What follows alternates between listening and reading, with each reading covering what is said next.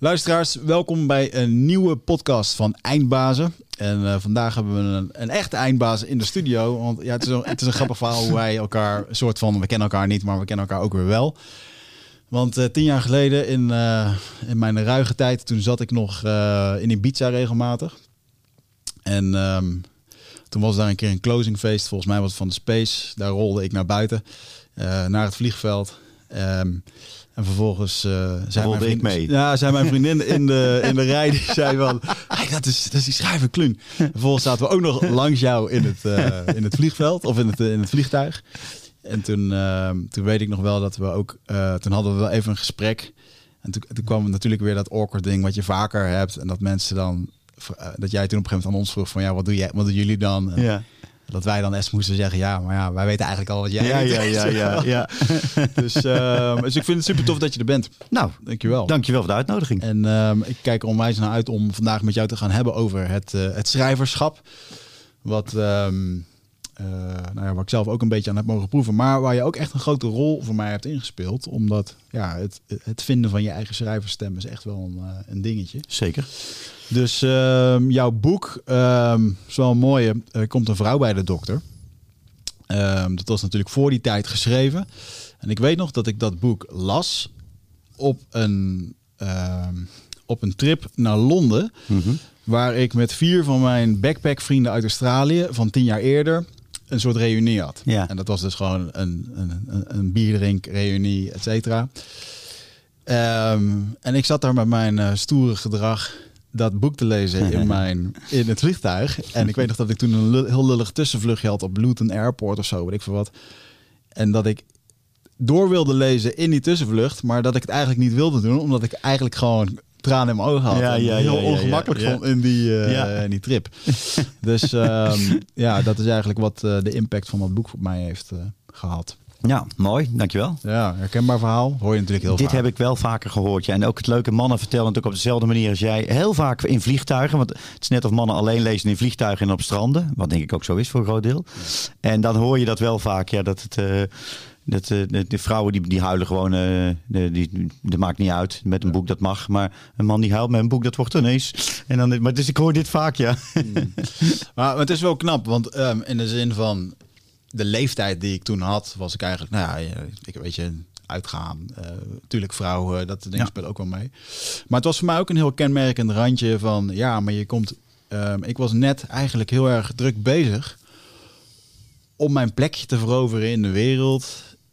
En toen las ik dat boek en daar lees je eigenlijk het verhaal van een man die die plek heeft veroverd. En wat vervolgens eigenlijk allemaal natuurlijk gewoon aan het instorten gaat. Ja. En ja, je proeft dan in één keer aan de kwetsbaarheid uh, ja. van het leven. Nou, goed gelezen. Um, dus ik vond dat wel een hele, ja, dat was een goede open, ja, een soort van, uh, oké, okay, dus zo kan het leven ook lopen. Ik denk dat dat het, uh, ja. dat, dat het was. Ja, het gaat eigenlijk natuurlijk over de, de illusie die uh, vaak, die veel twintigers hebben, nou, die ik in ieder geval had, begin dertigers, die misschien jij wellicht toen ook had, dat het leven maakbaar is. En mijn adagium was altijd, uh, als iets me niet bevalt, dan verander ik het. En dat deed ik ook. Dus woonplaats, werk, relatie. Mm. En dit was voor het eerst in mijn leven, toen mijn vrouw kanker had, dat ik iets niet kon veranderen. Ja. En dat tegen de klippen op uh, wilde ik dat ontkennen. En daar gaat het boek natuurlijk over. En um, um, eigenlijk uh, Angels in America, um, de, de toneelstuk... Uh, waarin een gay koppel, uh, de ene krijgt aids en in de, in de bloei van zijn leven verliest alle schoonheid, energie en de ander kan daar niet mee omgaan. Ja. Het is eigenlijk een soort gelijk. En in ons geval was het uh, kanker, maar het had ook een, een andere ziekte kunnen zijn. Het had een, een, een vreselijk ongeluk kunnen zijn. En het vreemdgaan van Stijn en voor een deel ook van mij destijds. Dat had ook um, drank, drugs of uh, gokken of niet praten of uh, workaholic kunnen zijn. Ja. Maar dit hakte er natuurlijk extra in. Want Ja. dat is niet het, hetgeen wat je, wat je verwacht uh, van, van een getrouwd stel waarvan de een kanker krijgt. Ja, en ik denk dat het een. ehm, was het een. eh, ik, ik, ik moet me even helpen hoor. Was het in die tijd van de, van de literaire boeken die werden geschreven. Was dit, werd wel beschouwd als vernieuwend, toch? De, open, de kwetsbaarheid en de, open, de openheid erover. Nou, niet in, door de pers. Het werd in, door de pers neergesabeld. Dat wil zeggen, één krant, het Parool. En die had echt een, uh, ik noem dat de moeder aller recensies. Hmm. En uh, een hele pagina gewijd aan... Uh, Cluniaanse aanstellerij. Met als laatste regel van die Clun willen we nu nooit meer iets horen. Nou, het feit dat ik hem uit mijn hoofd ken, betekent al wel hoe. Dat duidt er wel op hoe, wat voor wat een motiverende werking dat uh, die, die zin had. En voor de rest werd ik eigenlijk niet gerecenseerd. En dat boek werd ook niet ineens een succes wat iedereen achteraf had. Nee, dat duurde maanden, maanden, maanden. En toen langzaam begon het. En na een jaar kwam het pas in de top 60 en toen boomde het. En, um, en in het buitenland kwamen nog heel veel goede recensies van serieuze kranten. Van de Der Spiegel en de Süddeutsche en de, de Italiaanse de, krant met de belangrijke boekenbijlagen. Ah, wat, en daar werd wel het niet zozeer vernieuwend, maar wel het de rauwe, realistische. Hmm. Uh, en het feit dat iedereen geraakt werd. Dat werd daar aangehaald. En ook daar werd gezegd: het is misschien niet literatuur uh, zoals wij vinden dat literatuur hoort te zijn. Uh, maar het is een boek wat je, wat, wat je nooit, wat niemand onbewogen zal um, ja. laten. En dat is in Nederland toen een beetje ondergesneeuwd. Maar ja, op een gegeven moment gingen zoveel mensen het lezen dat die ene slechte recensie, die, die, die, die, maakte niet zoveel uit. Sterker nog, daar koketeerde ik ook een beetje mee. Ja, en het gek is, eh, misschien is dat ook nog wel, het was natuurlijk ook een tijdperk wat, wat beduidend anders was om een boek uit te geven dan dat het nu is. Ja. Ik bedoel, want je hebt toen, je schreef, dat was jouw eerste boek. En het feit dat een krant überhaupt daar al over schreef, dat is al een unicum. Nou, wat ook kwam, wat we hadden gedaan. En het werd ook wel, Paul, even kijken, Cornald Maas had toen een column in de Volkskrant, geloof ik, die schreef erover. En Paul de Leeuw schreef erover. En wat, wat gebeurde? Ik had een, ik kwam uit de marketing en ik had een enorm netwerk en ik was marketeer. En dus we hadden een uh, boekpresentatie bedacht uh, met Marcel Pantera, die ook met mijn Nightwriters heeft opgestart en al mijn boekpresentaties doen. Zelfs mijn bruiloft met Anne heeft hij uh, het geproduceerd en bedacht. ja, niet het feit dat we gingen trouwen, maar wel hoe. Wij hadden soms wel wat te vertellen ook. Maar... Hij, hij vertelde wanneer jij ja moest zeggen. Nou, ongeveer wel. Ja, ja, ja, ja, ja. Nou, die intuïtief, dat ging wel. Maar... Um, uh, maar wat, toen in 2003, toen het boek uitkwam, we hadden Hotel Arena in Amsterdam verbouwd tot ziekenhuis. Dat was ook, is ook vroeger een kinderhuis geweest, geloof ik. Mm. Dus niet, niet zo moeilijk met acteurs en actrices. En, uh, en over die presentatie uh, en over het hele mailingtraject daarna. Ik had echt een heuse nieuwsbrief, terwijl het, nog, het boek nog niet eens uitgekomen. Daar was, daar was behoorlijk wat commentaar op. Van ja, dat hoor je toch niet zo te doen. En dat was ook de reden. De, de recensent van het Parool destijds, die had ik zo blijkbaar op zijn tenen getrapt door op een dergelijke manier als debutant een boek te durven marketen, oh, dat hij zijn messen had geslepen. Wat eigenlijk dus alleen maar goed was. Want dagen daarna kwam er een brievenrubriek. Stond er weer een halve pagina kluun.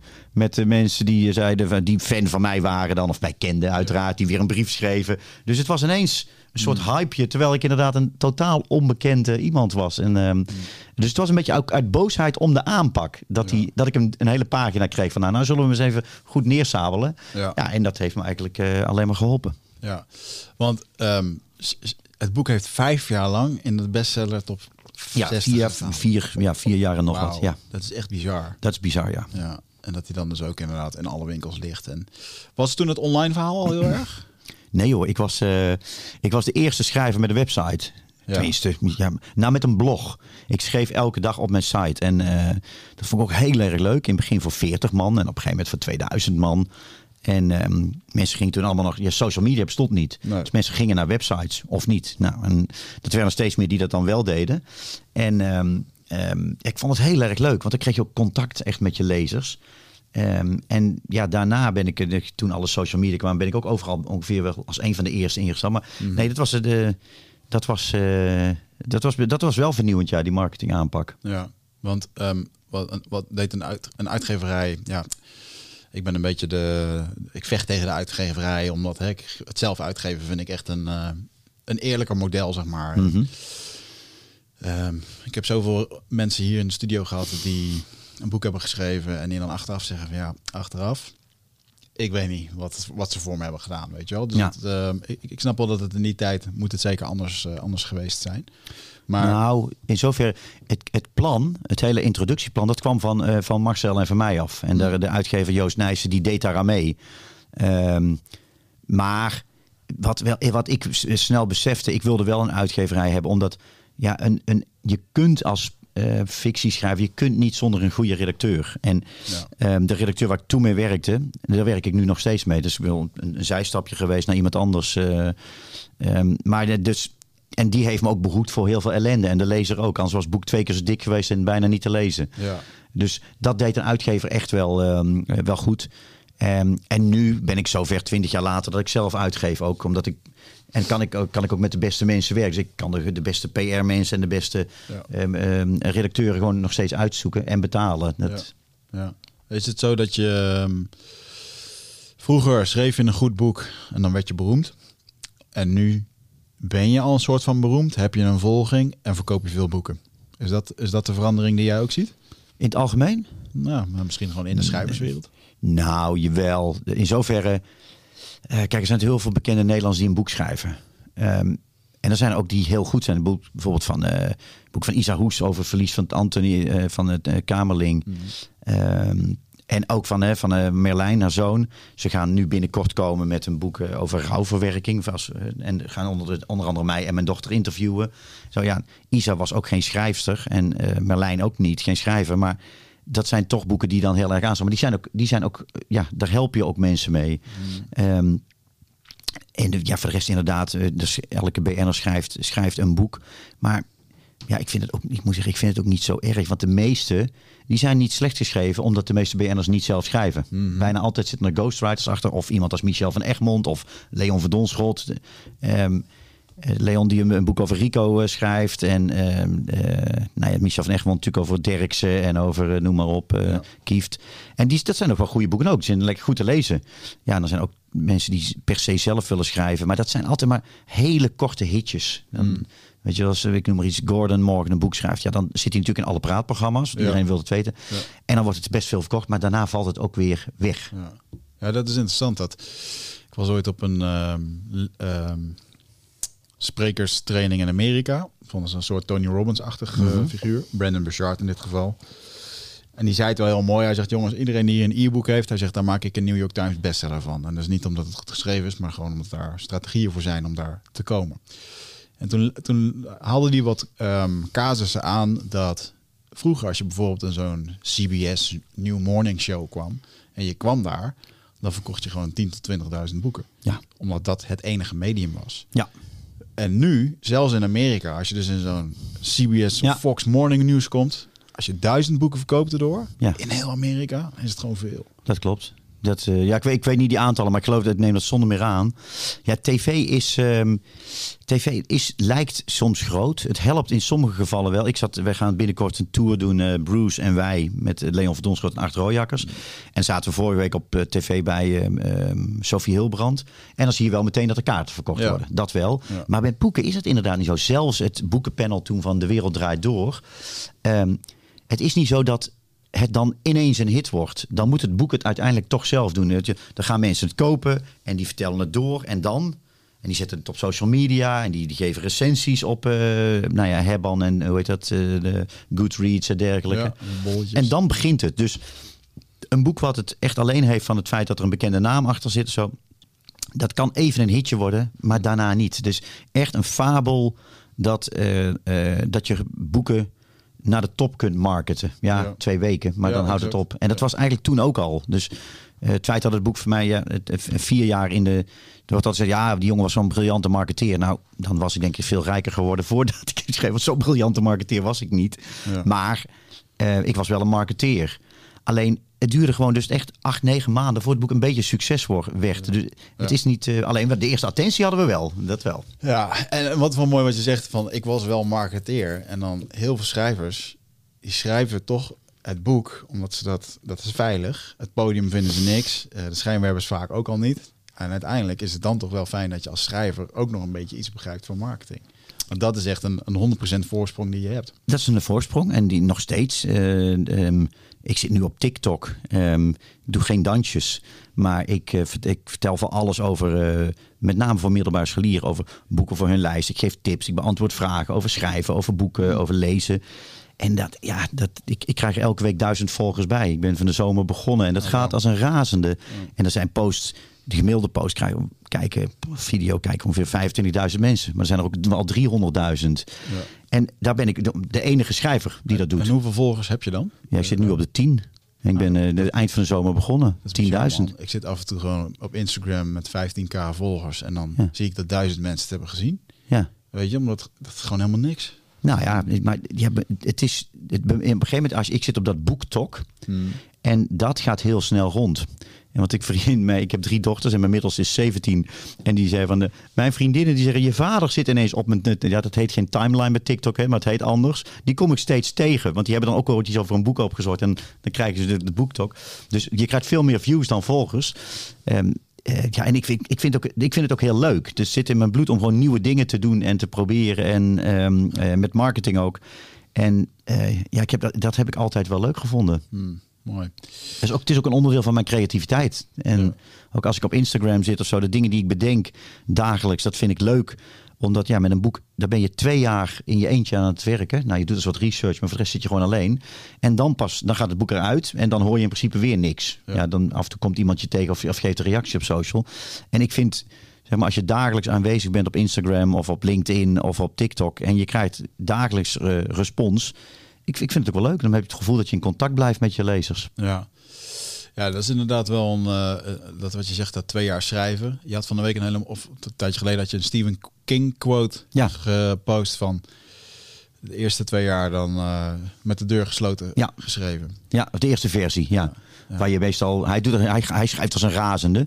Maar de eerste versie, ja, dat is, en dat is dan geen eerste, maar de vierde of vijfde versie, die duurt bij mij altijd wel een jaar of zo. Ja. En daarna inderdaad met de deur open. Dan moet je nadenken van god, hoe zouden de lezers dat... En dan hoef je je niet aan te passen aan de lezers. Maar in het begin denk je, moet je eigenlijk denken alsof je een dagboek hebt met een slot erop wat niemand ooit gaat lezen. Ja. Om jezelf niet, ook niet het minst te censureren. Je gevoelens, je schaamte. En ook als ik, eh, ik, ik geef ook workshops in schrijven. En, en dan het, een van de vragen is, ja, ik wil denken onder, onder een pseudoniem, want ik durf niet alles te vertellen. Ja, dan houd het eigenlijk maar op, want waarom zou je het dan willen eh, publiceren? Maar wat, eh, je hoeft, ook al heb je de dingen niet altijd meegemaakt, je hebt het wel bedacht en opgeschreven. Dus als jij een seksscène of een martelscène hebt en die is niet waar gebeurd, dat maakt niet uit. Je hebt hem bedacht, je hebt hem op papier gezet, dus zit in je hoofd. Ja. Dus je geeft je zo bloot en ja, dat, de, dat moet je durven. Ja. En, ehm, en, maar dat moet je dus eigenlijk met de deur dicht schrijven, inderdaad, alsof niemand het ooit zal lezen. En daarna ga je pas slijpen en, eh, Ja. en dan sch- schrijf je met de deur open. Ik doe het ook zo. Ja. Mooi, alsof niemand het ooit gelezen. Ik weet nog dat ik toen voor mijn schrijverskills naar de schrijversvakschool in Amsterdam ging. Ja, Nadat ik kreeg te horen dat mijn manuscript echt drie keer niks was door drie verschillende mensen, inclusief een uitgeverij. Ehm, en daar hebben ze mij wel gewoon, gewoon hele simpele opdrachten. Gewoon, joh, dit is een krantenbericht. Eh, schrijf het gewoon eens op. eh, schrijf het eens vanuit de ogen van bijvoorbeeld degene die opgepakt is. Hè, als dat ging over een of andere crimineel of zo. leuke opdracht. Ja, maar gewoon de. Oh, je kunt dus inderdaad die seksscène waar je het net over hebt, die kan je dus ook beschrijven vanuit de ogen of de gedachten van je partner of van de buurvrouw die mee zit te luisteren of wat dan ook. Ja. Weet je wel? Dus dat, dat, het gaat zo dynamiek aan. eh, ja, dus ik Hele leuke Ik opdracht. zou bijna zeggen voor iedereen die ooit denkt aan een schrijver om schrijver te worden, ga inderdaad gewoon zo'n workshop volgen. Ja. En dan, eh, want wat is het doel bij zo'n workshop bij jou? Nou, in mijn geval, ik kreeg, ik, nou, laat ik niet overdrijven, maar ik denk, wekelijks krijg ik eh, vragen van, ehm goh, Kluun, ik heb eh, vaak mensen die iemand verloren hebben. Ja. Ehm, of die eh, seksueel geweld eh, hebben meegemaakt. In ieder geval iets dramatisch. Dan willen mensen gaan schrijven. Wat ook heel logisch is. En van je afschrijven kan elke psycholoog je vertellen dat het goed is. Ja. En dan, dan zeggen ze, zou jij me kunnen helpen daarmee? En ja, dat, dat doe ik nooit. Ik, ik heb het één keer gedaan een, ehm, voor 3FM, voor de Series Request. Dan mocht je, kon je Kluun winnen eh, als eh, redacteur. Oké. En dat vond ik wel heel leuk. En die vrouw heeft ook een, ehm, uiteindelijk een roman geschreven. Heel goed, vond ik dat. Ehm, maar ik kreeg zo vaak die vragen. Ehm, eh, en ook, weet je wel, dan zit je in de taxi en iemand die taxichauffeur zegt, nou joh, als ik zou gaan opschrijven wat ik heb meegemaakt, eh, dan nou, dan, eh, goh, dat wordt een bestseller. En dan voel ik hem al aankomen en dan hoop ik altijd maar een korte rit is. Want de volgende, maar moet jij die niet gaan schrijven, dan delen we de opbrengst. Ze zeggen nog net niet dat je het uit moet tikken of zo. Ja. Ehm, dit- en dat doe ik nooit. Ik schrijf nooit een verhaal van iemand anders. Ik heb zoveel ideeën waar ik al niet aan toe kom. Ehm, maar ik snap wel dat mensen behoefte daaraan hebben. En er zijn zoveel mensen die willen schrijven of die schrijven. Dus, ehm, eh, dus toen ben ik begonnen. Met, ik heb het gewoon, ook grappig, ik heb gewoon acht weken geleden heb ik, eh, even- ik had al een aantal van die workshops gegeven voor bedrijven of voor een, een pastor in een ziekenhuis die ehm eh, preken schreef, maar hij vond zijn eigen preken te wollig en hij vond mijn schrijfstijl wel leuk. En dan hadden ze hem als cadeau, want hij werkte daar 25 jaar, een workshop voor mij gegeven. Maar ook alle mensen die communicatie in het ziekenhuis deden, in de Lelystad, die deden ook mee. Dus, die- en dan ging ik zijn preken beoordelen. Dan natuurlijk met, lekker met, eh, met twee benen gestrekt erin. En dus dat soort workshops gaf ik altijd wel. Dan denk ik van ja, ik ga het gewoon informeren of mensen dat leuk vinden. En ehm, dus ik ga nu proberen. De 6 november is de eerste. Die zat ik meteen vol. Dus middags doe ik er nog één. En eh zat ook vol. En, die, en dan ga ik proberen om 20 jaar schrijverschap in twee uur eh, te proppen. Ja, dat gaat natuurlijk niet. Oh, wauw. Ja. Ja, dat lukt niet. Maar dan kan je wel een aantal basis eh, dingen waar je, zoals dit, die opdracht op die schrijversvakschool, vind ik een hele leuke opdracht. Ehm, en dan leer je met de mensen de grootste fouten eruit halen. Je kunt niet mensen beter leren schrijven. Jawel, je kunt ze wel technisch iets beter leren schrijven. Alleen je kunt niemand leren schrijven. Iemand die niet kan schrijven, dat blijft zo. Ja? Is niet... eh, is niet Nee. Is het een talent? nee, het is een beetje... Ik las vanochtend een stuk in de Volkskrant over Wim Jansen. Die oude voetballer van Feyenoord en het Nederlands elftal. Die is 75, licht dementerend. Er is een boek over hem verschenen. En, ehm, eh, en Wim Jansen was de grootste vriend van Cruijff. En zij, hij, was de enige die Cruijff, of Cruijff nam... Was enige, eh, Hij nam alleen Wim Jansen serieus als het over voetbal ging. En toen vertelde en, en stond erin dat Wim Jansen die, die, die leefde voetbal. En maar zijn zoon was blijkbaar niet zo goed. En dan was hij een beetje aan het trappen met zijn zoon. Zei hij, ach joh, als je maar plezier hebt. Met andere woorden, je kan er niks van. Ja, zo is het ook als ik een stukje zie dat iemand schrijft. Ik zie binnen vier regels of die kan schrijven of niet. Ja. En bijna bij iedereen, nou, dat was ook bij mij, of is nog steeds bij mij, dat je jezelf verbetert. Mm. Maar ja, hetzelfde als iemand op een manier te- tegen een bal trapt. Iemand die heel goed kan voetballen, die ziet meteen, ja, we kunnen wel wat leren, Ja. maar het wordt nooit wat. Nee. Ja. wat ook niet erg is. De harde realiteit van Ja. het menselijke, ja, menselijke zijn. Dat je gewoon niet overal goed Nee, in kan worden. nee, nee, we kunnen heel hard gaan trainen, atletiek, maar ik denk niet dat we de Olympische Spelen eh, gaan halen. Tenminste, ik niet. Paralympics. Jij bent, jij bent nog jong, misschien jij. Nee, nee, ik haal het ook niet meer. Die tijd eh, die is geweest voor mij. Hey, en als je dan nu, eh, ben je nog steeds, wat voor schrijver ben je? Ben je nog steeds dagelijks uren aan het schrijven? Eh, dat hoort wel zo. Ehm, soms dan heb ik periodes, ik, ben, ik zit nu vanmiddag hier en vanochtend moest ik eventjes ergens heen. En dan had ik best wel twee uur tussendoor kunnen schrijven. Maar die gaan dan op aan Ditjes nou ja. Ik schrijf het ook echt op. Ik, ik, ik hou een boek, dagboek bij, een soort logboek. Schrijf ik ook twee uur lanterfanten. Dan, maar het helpt niet. Ik voel me niet schuldig genoeg dat het daarna verbetert. Maar Wa- waarom hou je dat bij? Ehm, ja, dat, ik weet niet. Er is een boek eh, van een ehm, Amerikaanse professor, ehm, Carl Newport. Oh ja. Diep werk. Ja, en, diep eigenlijk- work, ja. die heeft een, en zijn theorie is alle creatieve mensen werken als boekhouders. En dat ben ik ook jaren geleden gaan doen. En dat, dat helpt wel. Dus, maar op het moment dat ik er goed in zit in een boek, dan schrijf ik ook echt elke dag en lang. En ik neem me voor om elke dag sowieso te schrijven. Ja. Maar dat lukt niet altijd. En ehm, jezelf dwingen om te schrijven, is dat een must? Ik vind van wel, eigenlijk. En nogmaals, het lukt mij ook niet altijd. Maar het is, ehm, het is een fabeltje om te denken, nou, ik heb het vandaag niet. Dus ja, het kan wel eens, als je een enorme kater hebt, ja, dan heeft het geen zin. Maar voor de rest is het gewoon gaan zitten en werken. Het is niet anders dan eh, een bakker of een eh, goudsmid. Ja. Het is gewoon zitten. Je ideeën, de beste ideeën komen vaak niet als je aan het schrijven bent, maar hardlopend onder de douche of wandelend of in de natuur. Eh, maar het schrijven, dat is gewoon zitten en werken. En dan lukt het de ene dag beter dan de andere dag. Maar ja, het is, het is gewoon werk. Ja, ja. Ken jij, eh, ben je bekend met het werk van Steven Pressfield? Nee? De, de War of Art noemt hij Ja, het. ja dat, ken ik wel, die eh, term. Ja, de, Ja. ehm, hij spreekt dan over de, de muse, hè, de, het moment dat je denkt, ah, dit is hem. En Ja. dan ga je lekker schrijven. En, maar om daarin te komen, moet je eigenlijk schrijven totdat het bloed uit je, uit je voorhoofd Ja. komt. Ja, dat herken ik wel. Je, of nou, laat ik zo zeggen, het is andersom. Nou, kijk, ben ik het er helemaal. Ja, nee, de, in de basis van wat hij zegt wel. Ehm, maar ik heb ook wel eens dat ik, als ik me ergens boos over maak, of iets moois heb gezien, of eh, iets grappigs, dan begin ik even te schrijven. En dat vind ik ook zo leuk met social media. Dan begin ik te schrijven en staat er binnen een kwartier staat er iets heel goeds. Ja. Ehm, dus dan lukt dat ineens wel. En met een eh, roman, ehm, eh, of nu de boeken help, ik heb een puber waar ik mee bezig ben. Ja, sommige stukken gaan er eh, als een razende uit en andere, daar blijf je maar tegenaan hikken. En uiteindelijk komt het allemaal wel goed. Ja. Ehm, maar ja, laat ik zo zeggen, stoppen. En daar wat dat betreft heeft hij zeker gelijk. eh, stoppen met schrijven en dan hopen dat het komt. Dan gebeurt er echt niks. Nee. Dus je moet wel door. Mm. En is social media voor jou een medium geworden om ehm, te testen wat, wat goed werkt of wat goed valt? Ehm, nou, niet in het schrijven. Ik heb wel eens ooit dat ik iets vraag of iets test, maar dat is, komt niet zo heel vaak voor. Ehm, Nee, dus niet met een boek waar ik mee bezig ben.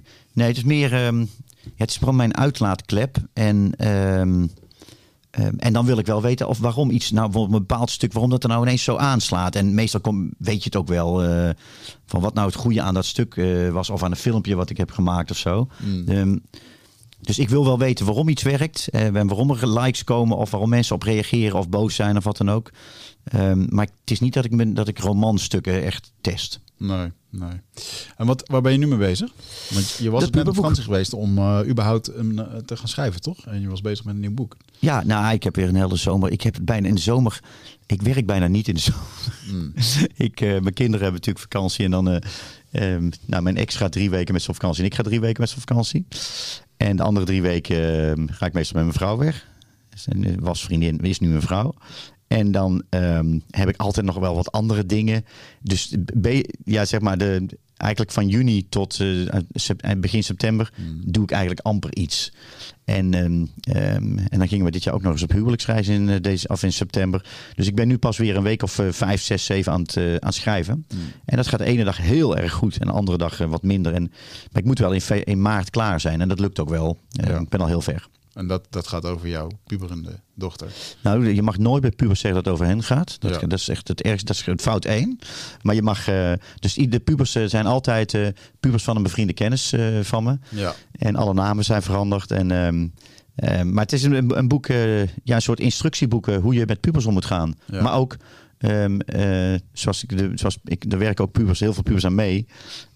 Zoals zij zelf zeggen, ja, wat, wat jullie allemaal fout doen als ouders. Dus Ah, het ligt, er maar net aan eh, van welke kant je komt. Het is eigenlijk een, een beetje met die schrijfopdracht van jou. Van, eh, Zie je het nou eens van de andere kant. eh, ja, mooi. Dus je hebt hierdoor een betere relatie gekregen met je dochter.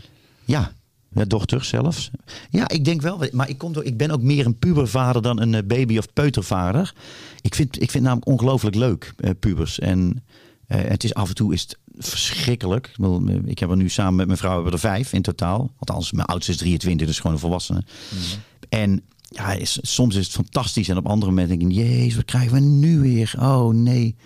Ehm, maar ik vind het wel leuk. Ik vind het uitdagend. En ik vind het, ehm, ja, ik vind het ook niet buitengewoon moeilijk om met pubers om te gaan. En ze gaan toch op, voor een groot deel de eigen gang. Ja. Dat is, vinden veel ouders moeilijk. Maar dus ik, zeg, ik zeg altijd, een van de belangrijkste dingen die in het boek komen... is ja, stop met opvoeden. Maar en eigenlijk zeggen alle moderne opvoeding, of goeroes dat ook, hè, van... eh, nou ja, Bertolt Gunster in Nederland tot eh, Barbara Coloroso en alle, en iedereen ter wereld. Dat is eigenlijk het.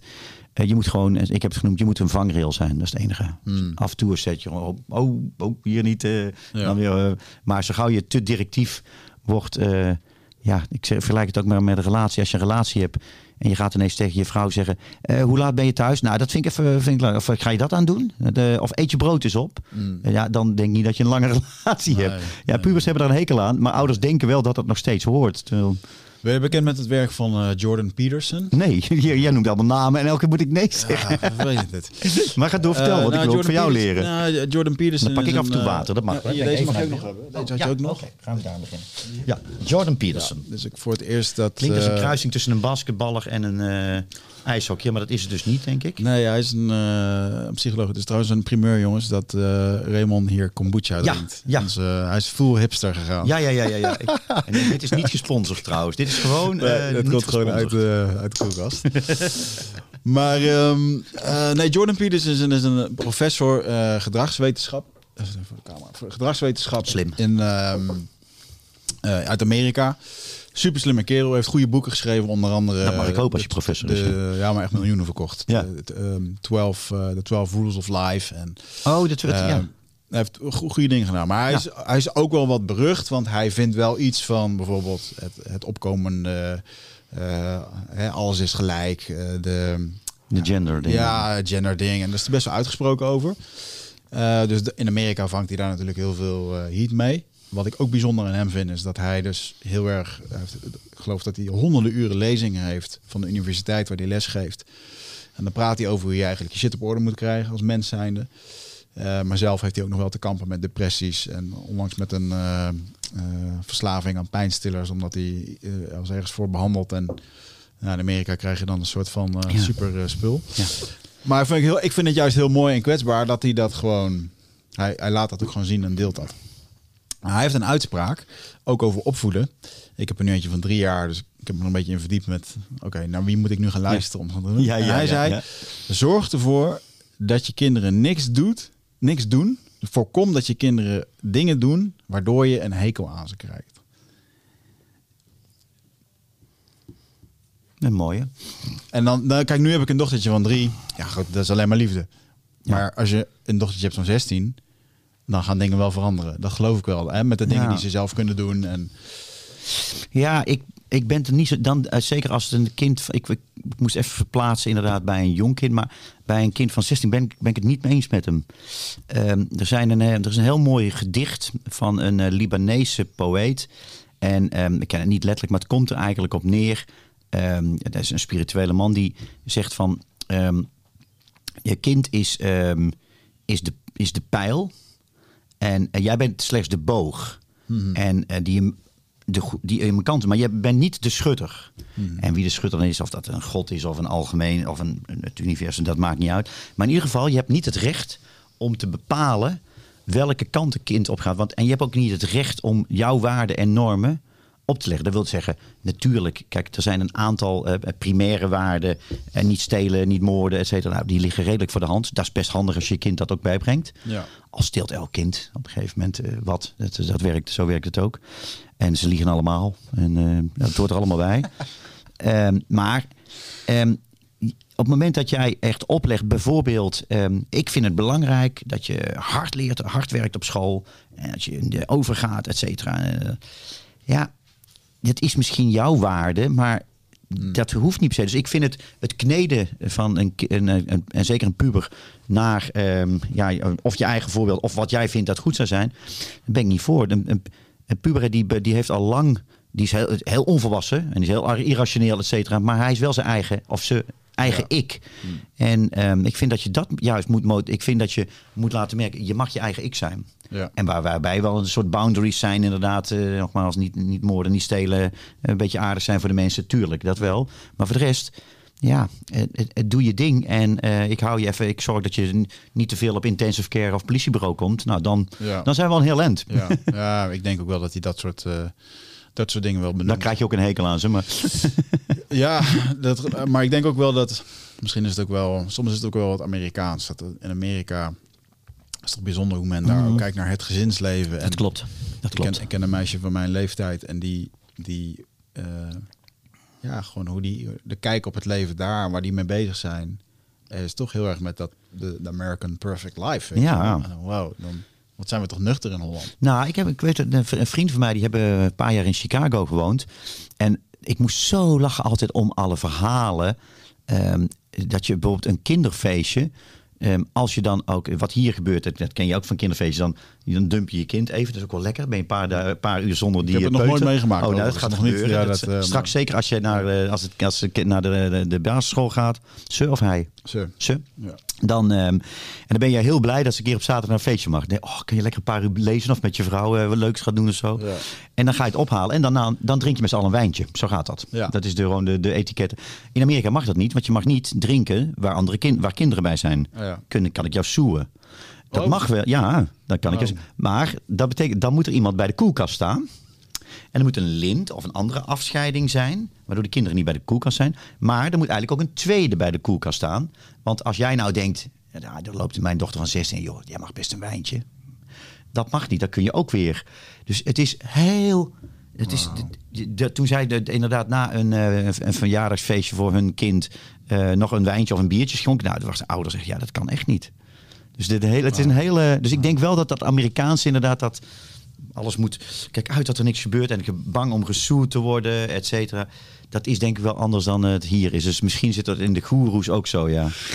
Ja. Echt grappig. Er komt nu in één keer een verhaal binnen. Het is eigenlijk ook wel een beetje een seksistisch verhaal, maar ik vind het wel, ja, ik vind het toch grappig om te vertellen. Een vriend van mij heeft heel lang in een ehm, in Amerika gewoond. En waar was dat toch? Volgens mij in Alabama. En Alabama is best wel ook gelovig. meteen wel wat op. Ja, ja, ja. Dus ja hij, wat hij daar, hij ging daar uit en hij had toch, toch wel, nou, als een Europese jongen, toch nog op aanvang. Dus hij in de kroeg daar en dan en, en dan, dan hij gewoon super Hollands. Nou ja, we vinden elkaar leuk. eh, moet ik je thuis brengen? Ga je mee of wat dan ook? En, Ja. eh, en hij merkte gewoon keer op keer dat, eh, dat die vrouwen in de auto zijn broek openmaakten en daar orale behandelingen begonnen te geven. En dat vond hij eigenlijk waar. Zo, wacht even, gewoon totdat we thuis zijn, weet je wel. En toen kwam hij dus achter dat vanwege het geloof, ja, kan je niet zomaar iemand mee naar huis nemen en gelijk Nee. dat doen. Nee. Dus wat doe je Dus om tevreden te stellen? Doe het gewoon Ja. in de auto zo. Ja, het is als een soort eh, moslimland waar echt in de VIP-clubs meer wordt gedronken dan op wel waar ter wereld ook. Dat Eh, schijnt, hè? Dat is ja, bizar, in ja. Dubai en zo. eh, ja. Nou, wat je ook hoorde toen over dat hypocriete, ook van die, eh, eh, die mensen in Chicago hebben gewoond.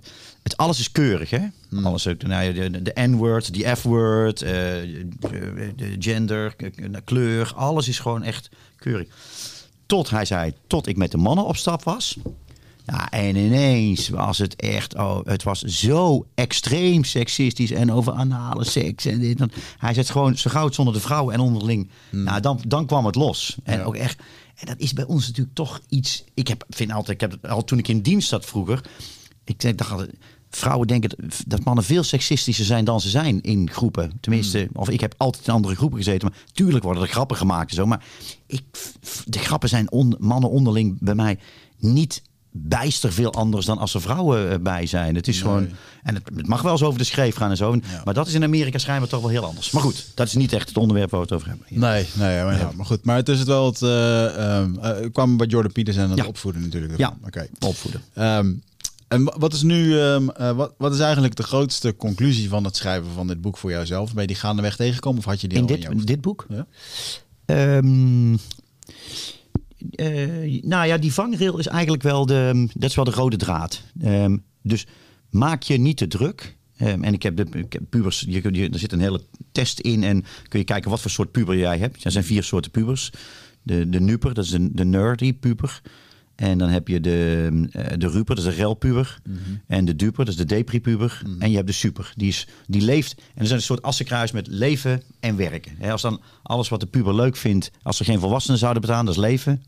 En alles wat, eh, wat volwassenen van hem willen, scholen, wij, eh, dat is leren. En ideaal gesproken doe je het allebei. Ja. En dat, en, en maar, dus, maar in welk kwadrant, voor zover je een puber in een kwadrant kunt indelen. Maar het is wel heel herkenbaar, merk ik eh, bij mensen, als ze die test doen van, oh ja, dat klopt eigenlijk wel.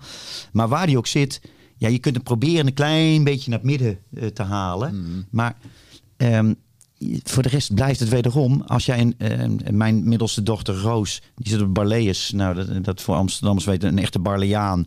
Dus zij, maar ook al haar vriendinnen, die leren zo hard. Joh. Ik heb nog nooit Ip Magister hoeven kijken. Eh, ja, dat gaat altijd goed. Hmm. En ehm, ja, de, de- mijn jongste die, eh, die is al twee keer gedrop-out en zit nu op een democratische school. En dat gaat ook goed. Ja. Ja, en die, die, die doet de editing van mijn films, spreekt beter Engels dan ik. Maar eh, ze vroeg, vroeg straks wel aan, me, aan mij van hoeveel is 60 gedeeld door 4 ook alweer. Ik zeg, wat denk je, een uur en een kwartier, 15? Oh ja, eh, dus dat leert ze niet. Maar ja, ze kunnen allebei heel gelukkig worden. En dat is eigenlijk de basis van ehm, ehm, rustig aan. Niet, maak je niet te druk. Ja. En eh, zorg dan inderdaad dat het... eh, nou ja, dat je zoveel mogelijk weghoudt. Politiebureaus, intensive cares ja, en ja. opvangcentra. Ja. Dat vind ik wel een hele interessante, want je hebt natuurlijk het, het schoolsysteem aan zich. Ja. Ik ben nu voor mijn dochter aan het kijken. Drie jaar, wat gaan we daarmee doen? Ja. Ik ben het niet eens met wat we op school krijgen. Het slaat echt helemaal nergens op. Dus ik snap jouw dochter op die democratische school helemaal. Zeg Ja. maar. Wat is jouw kijk op het schoolsysteem? Eh, nou, het schoolsysteem vind ik moeilijk. Daar ben ik geen Ik heb er wel. De school speelt wel een, rol ook in mijn eh, boek. Ik, ik heb het met name als schrijver. ehm, vind ik het. eh, ik, kom heel veel op middelbare scholen. Ehm, en ik vind het. ehm, eh, ja, daar ben ik niet de enige in. Maar het hele, het hele systeem van Nederlands moet op de schop. De literatuur, de, de, de, de fetish met signaalwoorden en eh, verbindingswoorden en technisch lezen. Waar we kinderen echt het boek mee uit hebben gejaagd. En dat begon al in mijn tijd en dat is nog steeds zo. Eh, wij zijn het land, met een internationaal onderzoek onder eh, 100 landen. En dan staan wij op de 97ste plaats met de vraag van kinderen: vind je lezen leuk? Oh, wauw. 97. Dat is echt heel We hebben ze echt het boek uitgejaagd. En, eh, dus een heel, Hoe komt dat volgens jou dan? nou ja, door gewoon kinderen eh, te dwingen. Eh, door, door, door ze.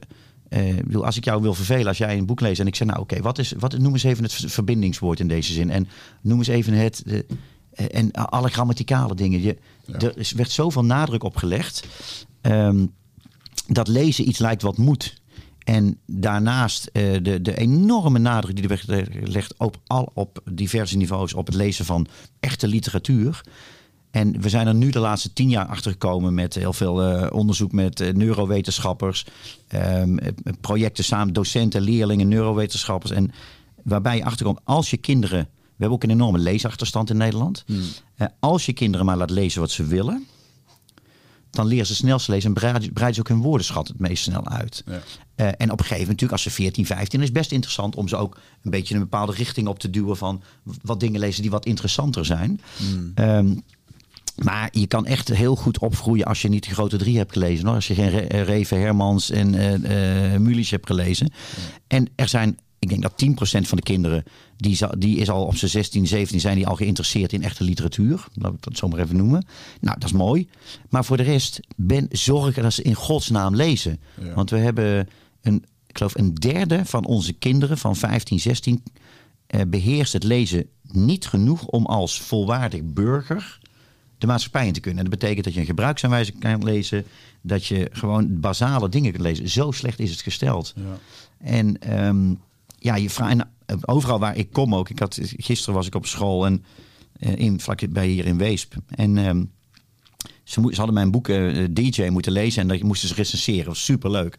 Dus ik begin van, ik zeg, nou, wie was er blij toen eh, Brechtje, de, jullie docenten, zei... jullie mogen in de herfstvakantie het boek van Kluun lezen. Nou, en lachen. Ja, niemand natuurlijk. Ja, één jongen die me had uitgenodigd. Ik zeg, nou, dat is logisch. Ik zeg, eh zo gauw je iets moet, dat is ook niet leuk. Maar vond je het nou wat, het boek? En er kwamen er heel veel die zeiden, ja, dit vond ik goed en dit vond ik te gek. En anderen nou, ik vond dit maar saai. En dan, dat is hartstikke leuk. Maar het is een van de dingen die je leert als je ze zover krijgt om samen een boek te lezen. Eigenlijk wat Oprah Winfrey ook destijds deed met de boekclub.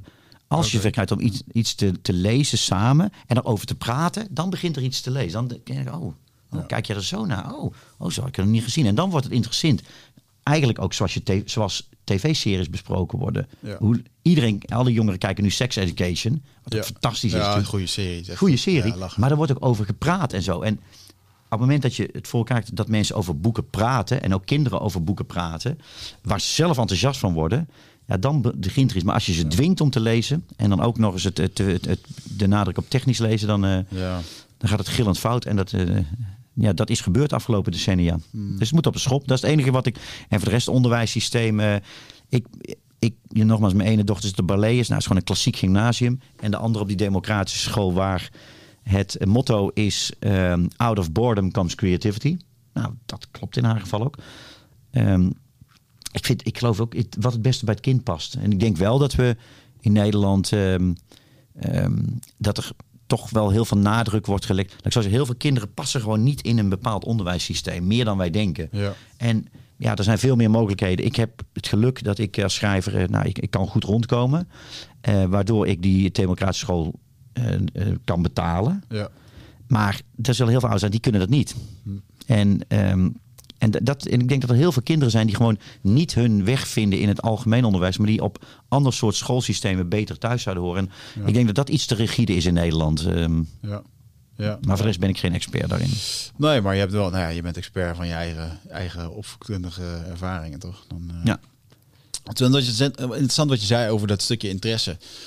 Vroeger lezen vond ik ook niet echt leuk. Om ook wel zeggen dat ik in zo'n boekentijdweek heb ik wel eens een boek, boek van de boekenweektijd heb ik wel eens een boek moeten lezen. De Veenheks is me altijd bijgebleven. Weet ik nog precies. Ja? Ik denk dat ik toen 12 jaar was of Ja. zo.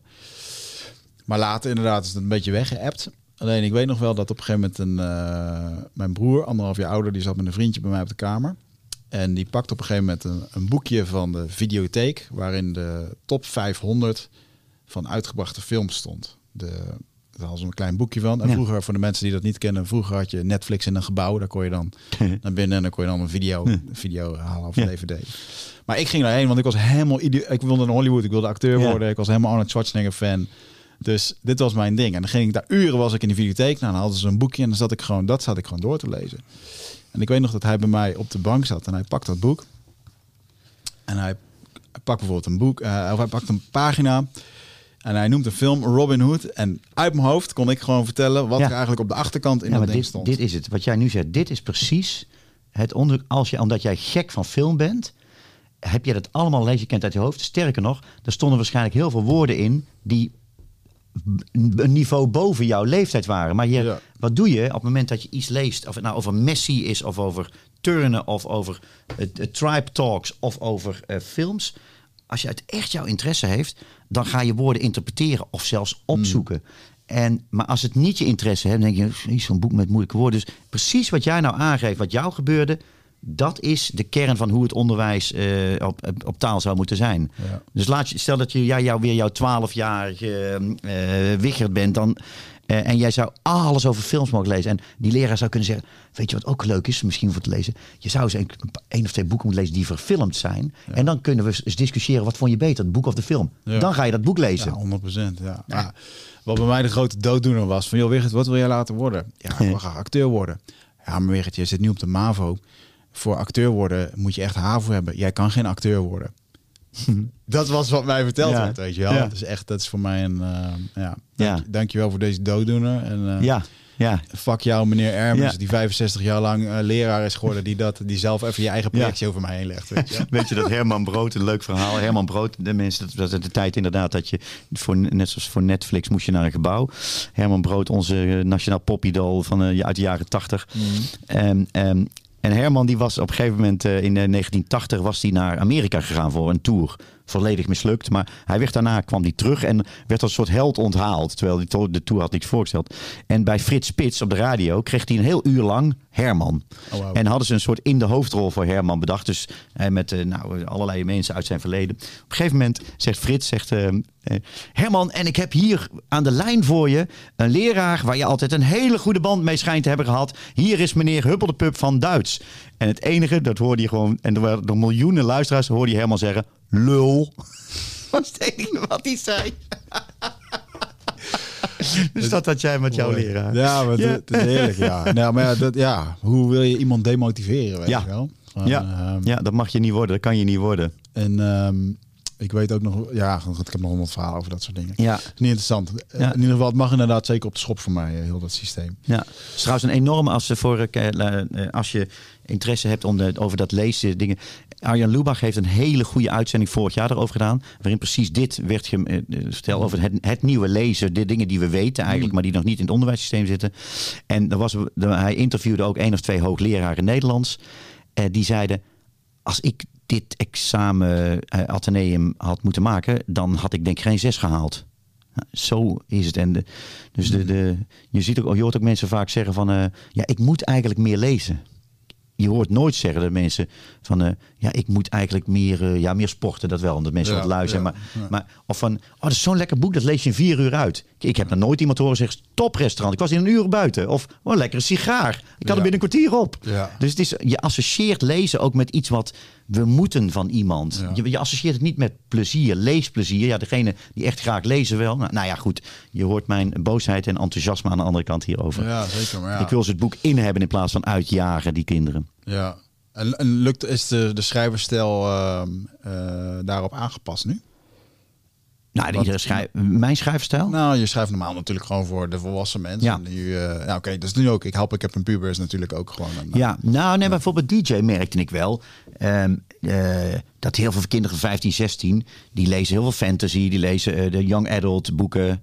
Ehm, die zeggen van, nou, ik vond het wel, de eerste paar, 100 pagina's vond ik wel moeilijk. Want dan wordt het boek langzaam opgebouwd. En op een gegeven moment gaat die, eh, de hoofdpersoon, die heet Kluun, een heel ander type dan ik. Maar die gaat dan eh, naar Amerika en dan, ja, dan, breekt echt, dan gaat het boek los. Dan breekt de pleuris uit en gaat alles fout. Maar het begin, dat moet ook langzaam worden opgebouwd. Alleen dat, bij kinderen merk je dan wel, dat, u- dat vinden ze te lang. Dus ik schrijf ook geen boeken natuurlijk voor kinderen van 15, 16. Maar ik vind het wel een eer als ze komt de vrouw bij de dokter hebben gelezen en echt boos zijn of er iets van vinden of wat dan ook. De, de, of als ze DJ hebben gelezen en het toch wel leuk vonden wat de wereld van de DJ's. eh, Dus maar ik schrijf er niet na, nee. ben ik eigenlijk wel benieuwd naar welk boek is jou dan onwijs bijgebleven toen jij jong was in die tijd. Ehm, ik, nou, toen jij dat zei, zat ik meteen aan jouw Veenhex zat ik te denken. Ik heb er een paar wel. Ik las alles over voetbal. En dat was de tijd van Cruijff en van Hanegem. Er waren wel biografieën, daar las ik alles over. Ehm, en het boek eh, WK 1974, toen was ik tien. Ja, dat heb ik... Dat is als een soort reliquie staat in de kast. Daar ken ik ook hele zinnen van uit mijn hoofd. Ehm, maar ik las ook heel, wat ik toen ook heel leuk was, was thrillers en een beetje van die occulte thrillers en zo. En ik herinner me ook boek Jervy Convits, De Wachter. En dat was, als ik het goed herinner, een van de flatgebouwen. En daar zat dan een man, maar die, ja, dit was een soort, soort voorportaal naar het hiernamaals, weet ik veel. En dat, dat bleef me, dat, dat vond ik heel mooi. En ook eh, jachtseizoen. Dat waren een stel vrienden en die hadden dan bedacht met elkaar, eh, in plaats van te gaan bolen of uh, zuipen of weet ik veel, hadden ze bedacht, dan uh, pikten ze lifters op, een stelletje. En uh, die, uh, die lieten ze dan vrij en die kregen een halve dag voorsprong en dan gingen ze op jacht. Oh, wauw. Ja, dat is ook wel gegeven. Er zijn heel veel films nu al over. Ja, dat, dat lijkt me. Ja, dat, dat, dat, is oud, het was een oud boek. Dus we praten denk ik eind jaren 70, half jaren 70. Ja, wow. Dat vond ik heel goed destijds. Ja, en wat ik, en het is wel grappig om dan nu eens te kijken wat er dan nu nog steeds met dat boek gebeurt. Weet je, of dat het nog steeds wordt uitgegeven. Ja, of, uh, ik zal het doen. Jachtseizoen. Ja. ja. En wie zijn jouw... Had je toen al... Ik, ik weet nog wel dat Paul van Loon was voor mij echt wel een soort van ja, als het ging om schrijvers en als, als jeugdige vond ik dat wel, vond ik dat wel echt een toffe. Ja. Was ook heel die verschijning dat hij ja. op tv kwam met allemaal van die rare. Wat had hij van die rare pakken aan? En hij sliep ja, s'avonds niet of zo. Ik kreeg een heel ding erover alsof het een soort vampier was. Dat was ja, maar fantastisch. Ik heb wel eens met hem in een uh, in Schiedam en een van een, een boekenweekfeest. Ja, en bij Paul stonden echt rijen met kinderen voor een handtekening. Nou, superleuk. Cool. Hij is een steg. Hij vind ik mooi. Ja. ja, vet. Ja. En, uh, en een andere natuurlijk, ja, Roald Dahl. Maar ja. goed, daar is niet ja. veel. Uh, dan moet ik wel zeggen dat als je, als je die shit kan schrijven die Roald Dahl heeft geschreven. Ja, ik weet niet. Het kan niet anders dat die man gewoon een pot LSD uh, op de, op, de, op ja, de bank staan ergens. Dat ja, ik ben een enorme fan van Roald Dahl. Ik schrijf wel zijn kinderboeken. De Grote Vriendelijke Reus, Mathilde, et cetera. Maar ook zijn verhalen. Uh, ja, dit is, er, is natuurlijk, er was vroeger een tv-serie van, hè, verhalen van Roald Dahl. Met allemaal losse afleveringen, jaren tachtig. Oh, ja, want ik ben dus alleen maar bij die grote, de grote hits, de heksen en dat soort dingen. Ja. En, uh... nou, maar als je bijvoorbeeld korte verhalen van Roald Dahl, er is echt zo'n pil met al zijn verhalen. Ja, dat is, dat is fantastisch. Ja. Dat is, het, is, het is lachen, maar het is ook af en toe zo'n zo hospita, een oude hospita. En een jongen die komt bij die hospita aan. En, um, en die, ja, hij krijgt thee en uh, die is, helemaal... Hij denkt, jezus, wat heb ik een geluk dat ik hier gewoon een kamer mag hebben voor weinig geld. En, um, maar op een gegeven moment wordt hij een beetje slaperig en uh, zegt ze, nou ga maar lekker slapen. En dan komt hij boven in zijn kamer en, en hij denkt, dan zat hij wat in die thee. En vlak voordat hij zijn kamer op gaat, ziet hij op de, op, de, op de gang dat er allemaal jongens en meisjes van zijn leeftijd zijn opgezet. Mm, ja, wauw. Dat is heftig, man.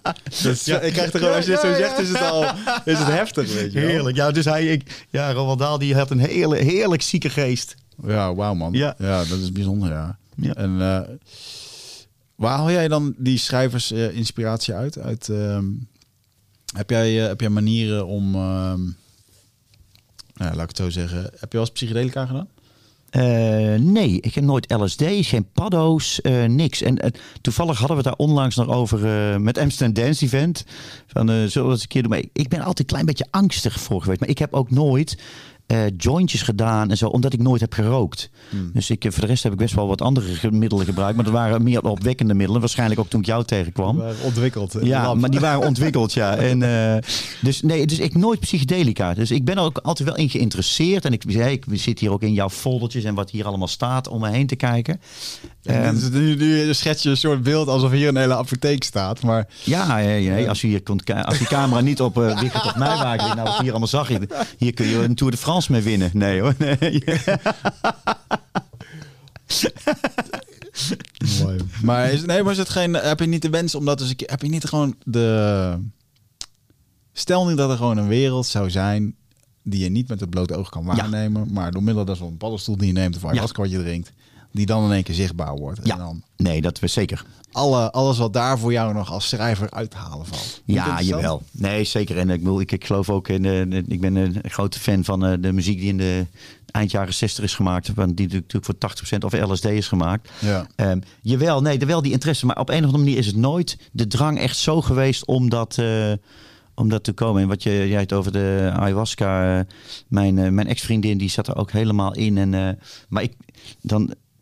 Ja, dat, het is niet. Het, het, ik, ik heb denk dat iets. Um, ik zie me niet in een groepje zitten dat samen eh, iets gaat gebruiken en eh, daar dat, dat, dat soort vooroordeel. eh, dus er is wel nieuwsgierigheid, Ja. maar ehm, er is meer oordeel over. Niet terecht, denk ik, maar meer oordeel om die nieuwsgierigheid te laten winnen. Maar is het dan niet is het dan het oordeel? ehm, ik ben kluun, ik heb een soort van bekendheid. Ik heb Nee. geen zin om met andere mensen eh over Nee, heen te nee, nee, helemaal niet. Nee, nee, nee, nee. Want eh, weet je, ik heb ook altijd. Zoals ik, nou ja, jij, jij zal me ook in kennelijke staat hebben gezien. En ik, vorig jaar op Koningsdag was ik twee jaar geleden. Was ik zo van de weg, we- de weg kwijt dat ik mijn fiets ergens heb neergezet en die heb ik nooit meer teruggevonden. Dus er zijn diverse mogelijkheden. Ja, ik kan ja. hem hebben gegeven aan een toerist, sluit ik niet uit. Ik Ja. kan hem in een gracht hebben gegooid, ik kan hem ergens. Maar ik heb hem in ieder geval nooit meer teruggevonden. Dus. En dan weet ik ook, ja, dan zie je er ook eh, niet meer eh, op zijn meest florissant uit. Dus dat, dat heb ik altijd gehad van ja, het zal wel. Ehm, nee, maar het, het, eh, ik, ik zie me niet in een groep dit gaan gebruiken of zo. Hmm. Maar misschien, Want, eh, ja, ken je Terrence McKenna? Terrence dat ken ik ook McKenna. niet, nee. Hij is dus een Amerikaan. Was een beetje de voorloper. Amerikaanse eh, kerel. Die was een van de eerste die gewoon naar Colombia ging. En daar bij Indianenstammen eh heeft hij verhalen van. Het is bizar over hoe dat hij dat, hoe dat hij dan eh, daar een soort soep dronk. En dat hij vijf dagen, later, vijf dagen later wakker werd. En Ja. gewoon van alles wat hij meenam. En, en dat was eigenlijk de eerste psychonaut die daar echt open psychonaut? over, Is het een eh, officieel ja. woord? Mooi Ja, woord. Een soort eh, astronaut, maar dan in Ja, ja, nee, ik, ik vind het mooi. Dit, kijk, die, van mij is mijn meeting alweer geslaagd. Eén dag, één, één nieuw woord per dag. Ja, en eh, dat vind ik trouwens wel heel grappig. Want toen wij in het vliegtuig zaten, toen had jij het over... Toen waren, ik geloof, Martinique. Dat was zo'n feest met een hoop bombari, blote vrouwen, gespierde mannen. En toen zei jij dat heel mooi. Martinique? Oké. Martinique. Dat was toen Ja, dat weet ik al niet meer, maar goed, Toen, toen zei jij erover, ja, is een soort karikatuur van een hele slechte pornofilm met allemaal van die Spaanse gasten. Daar heb ik, daar heb ik, dat weet ik nu nog. Daar heb ik zo om gel- heb ik zo om gelachen. Ik zou het wel eh, kunnen hebben gezegd, ja. Maar ik kan me het feest niet meer herinneren. Ik ga toch eens weer graven. Maar ja, Ja. goed. Maar Ja. in ieder geval, ik vond het een grappige beschrijving over wat, wat er daar dan op zo'n... Dat ging over de VIP-podiums. Ja, ja, ja, ja. ja, ja.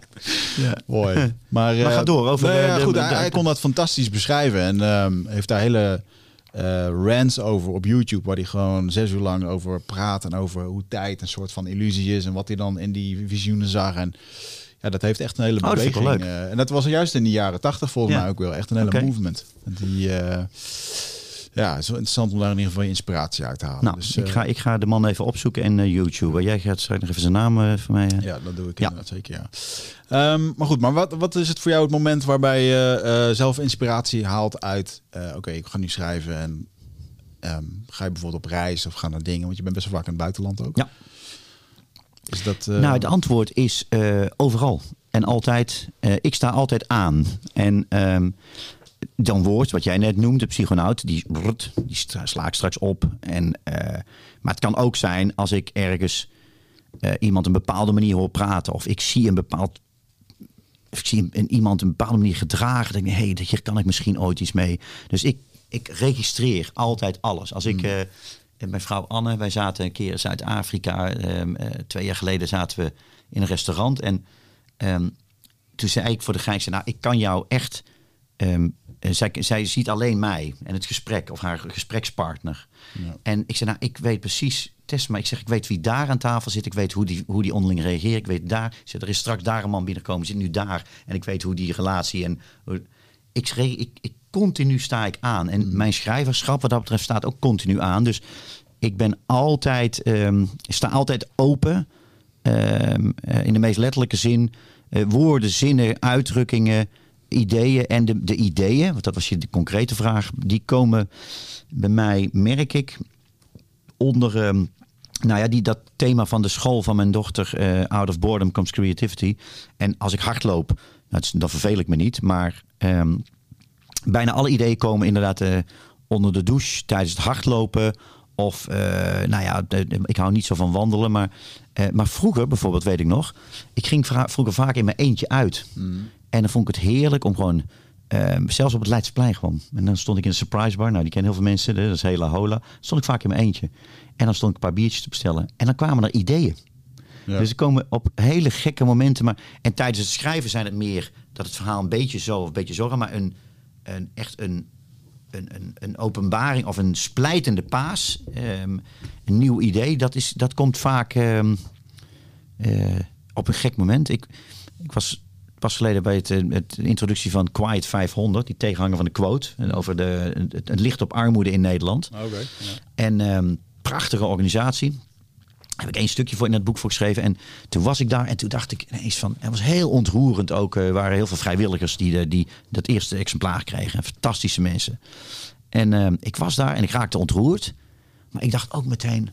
God, dit zou wel iets bij mij passen. Dat ik een verhaal schrijf ehm, over hoe het is om in Nederland rond te moeten komen van te weinig. Dus dat je voedselbank, je verhongert niet. Eh, maar er is ook eigenlijk alles mee gezegd. Ja. En misschien word je net wel of niet dakloos. En dacht van, dit is wel iets met mijn stijl. Ik denk, goh, en dat begint dan langzaam. Dat is geen verhaal, dat is meer een gegeven. Ja. Zoals ik een boek over de, een die, de wereld van de DJ's, een boek over puber, een boek over Ja. nachtleven schrijven. En dan komt het, en bij mij in mijn hoofd werkt dan zo dat dit kan op een gegeven moment kan ik ineens een verhaal te pakken hebben. Dat ik denk, hé, hey, dat zou het verhaal met dat thema kunnen zijn. En het kan ook zijn dat er nooit iets van komt, maar dan, dus ideeën ontwikkelen zich en die, die, die worden gecombineerd tot iets. En, ehm, ehm, en dat, dat gebeurt dus meestal niet tijdens het schrijven. Dat gebeurt ja, tijdens het vervelen of vakantie of wat dan ook. Ja, grappig. Eh, In jouw boek eh, Familieopstelling, daar ben je eigenlijk. eh, eh, het gaat niet alleen maar over de familieopstelling als de therapievorm, maar het Nee. is eigenlijk gewoon een hele eh, reis door ja, waar jij zelf vandaan komt en, en hoe jij ja, gevormd bent tot wat je allemaal doet. En dan ook je ouders en iedereen in de familie. Dat is het hele Ja. idee erachter. Hè? Goed gelezen. Dat is wel echt een, ehm, ehm, hoe noem je dat? Ehm, een reis geweest in een stukje persoonlijk leiderschap. En in alle eerlijkheid, toen ik terugdacht aan, oké, wie is Kloen? Waar denk je dan aan? En dan, dan- dan denk je aan, aan die Stijn, hè, die Ja, daar dat ja, wilde ja, leven heeft. Dan denk je, wauw. Ehm, ben je, ja, dat was wel mijn vraag. Ben je echt zelf gewoon zo onwijs op die persoonlijk leiderschapstour gegaan? Of die persoonlijke groeitour? Zeker. Ik ben. ehm, en ik ben er niet alleen. Ik ben 57 en bijna al mijn vrienden die zijn eh, nou ja, de, ergens tussen de 45 en de 60. Ja. En vriendinnen ook. De mensen die ik al heel lang ken. Uit eh, vroeger mijn studie uit Breda. Mensen die ik al 35 jaar ken. Mensen die ik 25 jaar ken. En wat ik merk. Even als je het leven versimplificeert. ehm, eh, je, je bent puber. Dan ga je op een gegeven moment ga je het, het huis uit. En dan ga je een aantal jaren. Jaar of 10, 15. Ben je eigenlijk alleen maar bezig met eh, je partner krijgen. Werken. en Ja. Kinderen krijgen. En denken zoals ook jij van wat wil ik wel. Wat wil ik niet. Et cetera. En zoals ik het had, eh, iedereen heeft een andere band met zijn ouders. Ik had een goede band met mijn ouders, maar eigenlijk denk ik, oh ja, het is maandag, even mijn moeder weer bellen. En eh, ook, ik ben nou wel lang niet meer in Tilburg geweest van Amsterdam. Nou, we moeten weer even dit weekend toch even naar Tilburg gaan. Eigenlijk zijn eh, ouders die, die, die zijn een soort onbetaalde oppas. En voor de rest leid je je eigen leven. En er is een omslagpunt wanneer je eigen kinderen wat ouder worden en zo. En je steeds vaker bent aangelopen in je leven tegen dingen die typisch jij zijn. Ehm, hè, je hebt, ik, heb, ik heb een vriendenclub. En eh, stel dat je zou zeggen, wie heeft, en je noemt wie heeft dat en dat gedaan? Ik noem maar iets. Op maandagochtend heeft oh, dat zal hij zijn geweest. Je kent je vrienden zo, maar je kent jezelf ook. Je kent alle zwakheden, alle onhebbelijkheden en alle kwaliteiten ken je. Ja. Ehm, en wat op een gegeven moment, wat je steeds meer gaat fascineren als vijftiger, hoe kan dat nou? Waarom loop ik steeds aan tegen, eh, bijvoorbeeld, ik heb een aantal relaties gehad. Nou, Judith is overleden, ehm, maar een andere relatie. En ik was altijd degene die het uitmaakte. Op een gegeven moment dacht ik ook, ja, het zit wel een bepaald patroon in, toch? En ehm, eh, hoe kan dat nou? En toen, en mijn vader en moeder zijn 60 jaar bij elkaar geweest, tot mijn vader dood neerviel. Eh, hoe kan dat? En wat me bij veel vrienden eh, ehm, eh, opvalt, dat we allemaal gaan zoeken van waarom, niet alleen wie ben ik, maar waarom ben ik wie ik ben? Waar komt dat vandaan? Een herwaardering voor je ouders. Ook je ouders die worden vaker ziek, dus je gaat denken, je waardeert ook meer wat ze gedaan hebben voor je ooit. eh. En dan, eh, je- soms moet je ze verzorgen. En, ehm, en ik merk die interesse van wie ben ik en waarom en hoe komt dat nou? Die merk ik bij heel veel leeftijdsgenoten van mij. Dus ehm, ja, dit, dit was een oprechte zoektocht. En ook toen mijn ehm, vorige relatie eh, uitging. ik, we hebben zes jaar, we hebben vijf jaar samen gewoond. En toen dacht ik, toen ging ik ook denken, ja, oké, ik ben een keer gescheiden. Toen ik twintig was, heb ik al een paar keer samen gewoond. Nou, Judith is overleden. Eh, maar eh, toen was ik ook niet brandschoon. Ik was niet monogaam, terwijl dat wel de bedoeling was.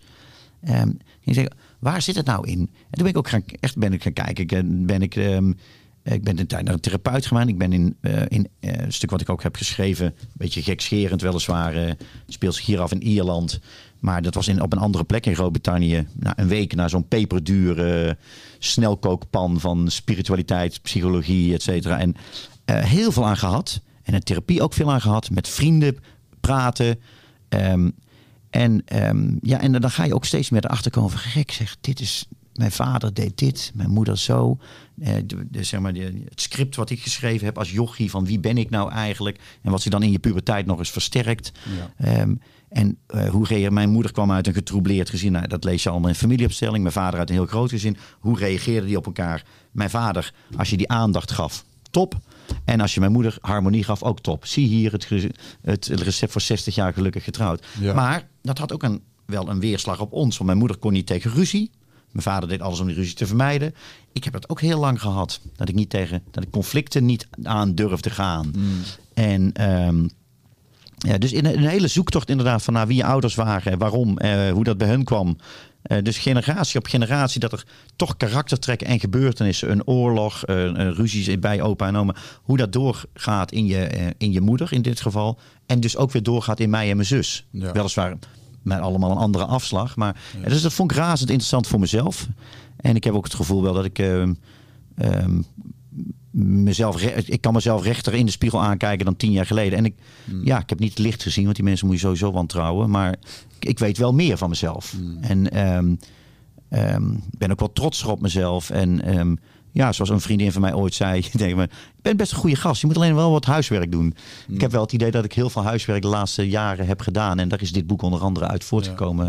Ja. En, en Um, het licht zien is natuurlijk inderdaad een grote. niemand is verlicht uh, in dat opzicht. Maar nee. uh, wat zijn de momenten geweest waar jij even in dat moment echt even het licht zag van: oh fuck, dit, dit ben ik dus al jaren aan het doen? Um, nou, ja, die combinatie van. Um, uh, de combinatie van die week. het was het Hofman Institute. En um, in Engeland, waar ik echt toch heel veel aan heb gehad. Twee vrienden van mij zijn er ook geweest, ook op hun manier heel veel aan gehad. En uh, bij um, Roefke Carmichelt, uh, een, therapeut, waar, waar ik echt heel, een half jaar heel intensieve gesprekken mee heb gehad. En ik denk dat dat wel de dingen zijn waar ik veel leerde. En ja, ik moet ook eerlijk zeggen, de, van mijn, mijn juf, waar ik mee getrouwd ben, Anne, daar leer ik ook heel veel van als het, ik met, als, als het om conflicten gaat, um, die ik vroeger altijd uit de weg ging. Ja. Nou, daar ben ik veel beter in geworden. Ik ben veel beter geworden in dingen uh, uitpraten, dingen kijken. En de fantastische zin, uh, die is van Brené Brown, geloof ik. Uh, als je ruzie hebt, of nou met een vriend of met je partner, van... Um, maar, laat me, het is eigenlijk wat er in mijn hoofd gebeurde toen jij dat deed. Waarmee je dus niet gaat beschuldigen, maar zeggen, ja. nou, er voelde, bij mij voelde dat en dat. En als je dat allebei doet, nou, dan heb je een hele andere manier van een conflict oplossen. En echt tot de bodem uitzoeken van wat gebeurt er nou? Welk patroon is dat? Wat, wat is typisch bij... Mm. Um, wat, wat, is, wat hoort bij jou? Wat is, jouw, wat is jouw script? En we reageer Oh, daarom reageer je zo. Ja, dat, ik denk wel dat ik dat ook, ook van haar wat dat betreft heel veel um, leer en heb geleerd. Ja, ja. Ik heb wel gemerkt dat daarin dat het wel echt lastig was om op een gegeven moment... Ik kom ook in een relatie waar op een gegeven moment werd gezegd... Uh, ik voel me nu echt even onwijs geïrriteerd, uh, want dit en dat en dat. Dat ik echt dacht, oké, maar ja, wat moet ik daarmee? Want eigenlijk was ik een soort van gewend van, hé, hey, de drama, de ruzie, weet je wel. Ja, maar jij dit of dat. En dan, en dan ging ik daar meteen op aan, want ja, dat, ja. je wist gewoon niet beter, weet je wel. Ja.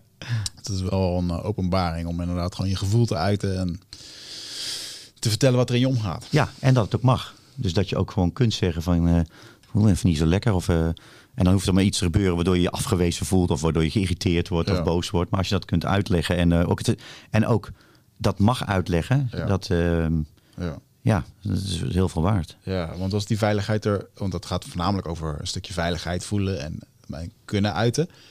Heb jij die, heb jij die veiligheid gevoeld bijvoorbeeld in je eerste relatie? Nou, de eerste relatie die bekend werd. Ja, de eerste uh, relatie. Ja, laat ik zo zeggen. Ja, waar in mijn eerste relatie met Judith. Uh, ik, ben, het, het, ik was twintiger. Ik, uh, ik ontmoette haar op jazzfestival en ik was op slag verliefd. En de week daarna kwam ze naar Amsterdam en ze is heel weekend niet weggegaan. En um, wij, hadden, wij hadden een fantastische relatie, maar ik ging wel vreemd. En ehm, zij achteraf ook wel eens, maar niet in de hoedanigheid waar ik het deed. Ehm, dus eigenlijk, dan maak je op een gegeven moment iets kapot. Want je hebt een, ehm, je hebt een geheim leven. Ja.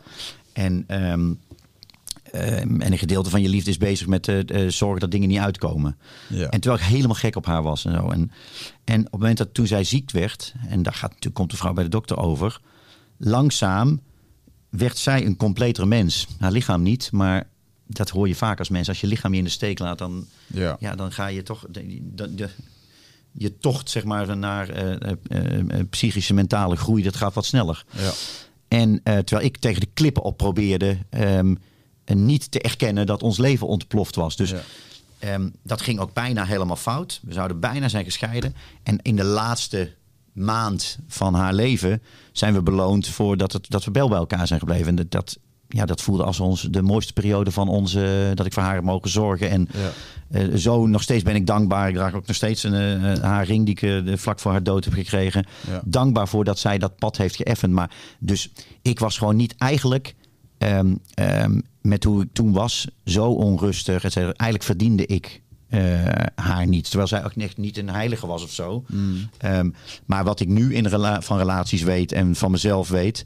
Ja, dat, eh, eh, dat wist ik toen niet. Ja, ja want waar, waar kwam dan uiteindelijk die drang van het vele vreemdgaan eh vandaan? Dat is een goede vraag. Ik heb, kijk, ik ben wat ik zelf, ehm, zoals ik het terug heb geanalyseerd. Ik was als puberjochie, was ik nou, puist, grote bril, et cetera. En en niet het populairste jongetje. En ik weet ook dat ik op een gegeven moment vrienden die waren al aan het zoenen en zo. En op feestjes. En eh, bij mij duurde dat tot mijn vijftiende of zo. En ik was er ook best wel. En ik deed vaak blozen en heel onzeker. En ik denk dat het eigenlijk een soort heel. Dat kind dat het eigenlijk verbaasd was dat je op een gegeven moment wel meisjes kon krijgen. Dat dat er heel lang in heeft gezeten. Dat elke verbaasd was. Terwijl op een gegeven moment, ja, ik bedoel, ik ben geen Brad Pitt, maar het is wel zo als je wat bekender wordt en je hebt wat en je hebt een leuke babbel, ja, dan gaat het wel iets makkelijker. Ik heb nooit daarna nooit een probleem gehad als twintiger niet en als dertiger, veertiger niet om Ja. eh, met, met eh, vrouwen, maar toch was er dat kind in mij dat eh, dat steeds bevestigd wilde worden, een soort als een soort ja, eh, een, een soort verslavingsdrang of zo. En dat was in bepaalde periodes, lang niet altijd hoor, maar in bepaalde periodes ehm, eh, was, dat, was dat heftig. En, ehm, maar goed, dat is, mijn, dat is mijn analyse die ik er uiteindelijk naar eh, heb uitgehaald. Ik vind, ja, waarschijnlijk zit daar wel het meeste eh, Ja. in. Ehm, ehm, Was dit gewoon jouw, jouw eh, go-to verslaving? ik denk het wel. En zoals ook wat ik geleerd heb na ehm, toen ik heb na toen Komt de Vrouw een succes werd, ben ik, kwam ik ook heel veel op ziekenhuis, praat ik vaak met psycholoog en zo. En wat ik toen eigenlijk pas leerde is iedereen. Eh, kijk, je waarden en normen die zijn op een bepaalde manier. En, eh, maar het blijkt pas wat ze waard zijn als de pleuris in je leven uitbreekt. Ja. En eh, nou, dat was in dat geval. En de meeste mensen zijn geneigd om te vluchten in hun zwakte die het meest comfortabel voelt. Dus iemand die al niet zo'n prater is, die slaat helemaal dicht. Iemand die sowieso denkt, nou, ik vind het eigenlijk werkelijk leuker dan thuis zijn, die wordt helemaal workaholic. Nou, dat gaat met coke, dat gaat met jointjes, dat gaat met alcohol, met agressie, met... Ja. En ja, het nachtleven. Ik ging al wel graag uit. En eh, nou ja, het Leidse pleinen, dat, eh, de, dat, dat kennen de meeste mensen. Of de, hun plaatselijke variant daarop wel. Ehm, ja, dat werd toen mijn obsessie. Echt. Op vrijdagavond weg en uitgaan. En eh, pff, alles wat daarbij hoorde volgens mij. Dus dat werd, ja, dat werd een, inderdaad... Een, de- dat was mijn comfortabelste zwakte. En ik weet nog dat ik een keer een brief kreeg. Een handgeschreven brief. In 2004 was mijn boek net uit in Engeland. En en nou, was ook, toen in 2004 kreeg je al bijna nooit meer handgeschreven brieven. Een beetje met heel lelijk, een duidelijke mannenhandschrift. En die schreef, ik heb jouw boek gelezen. Hij zei, en ik heb zo gehuild, want hij zei... ehm, ik ontdekte voor het eerst, mijn vrouw heeft kanker gehad, ze is ondertussen overleden. Hij zei, ik, ik was al een stevige drinker, zoals veel Engelsen dat ook zei. Hij zei, toen ben ik zo aan de drank gegaan. En het werd zo erg dat mijn vrouw, wetende dat ze ging overlijden, is toch nog van me gaan scheiden. Daar moet ik heel mijn leven mee leven. Oh, wauw. Hij zei, nu ik jouw boek las en ik las, las jouw escapisme, dacht ik voor het eerst, ik ben niet de enige die gevlucht is in iets. Nou, en dat schijnt inderdaad in de psychologie wel bekend te zijn. Het is niet zo dat jij, ehm, als jij nooit drugs hebt gebruikt, ineens als, je, als er iets heel ergs gebeurt aan de kook gaat. Nee, dan ga je doen waar je al Ja, comfortabel ga je drinken bent als je al kent. drinkt, Ja, ja. tuurlijk. Ja, ja. En eh, dat is geen, en dit is, eh, begrijp me niet verkeerd, totaal geen alibi. Maar ik was wel blij om te merken, ik, ben niet, ik was niet de enige die iets, eh, die gekke dingen ging, Ja. ging doen. Ja. Nou ja, je, je go-to verslaving en je, je go-to dingen waar je, waar je kan aan eigen. Ik bedoel, die van, die van mij zit hem ook in hard werken. Ik heb ook wel veel drugs gebruikt en alcohol gedronken. Alleen, ik kon drie weken in Ibiza helemaal los. Ja. En daarna dan eh, had ik echt geen, geen centimeter behoefte meer aan. Nee? Weet je, dus niet een... eh, Je was een soort kwartaal, zoals Adrie van der Heijden schrijft, die heb je kwartaaldrinkers, ken je dat?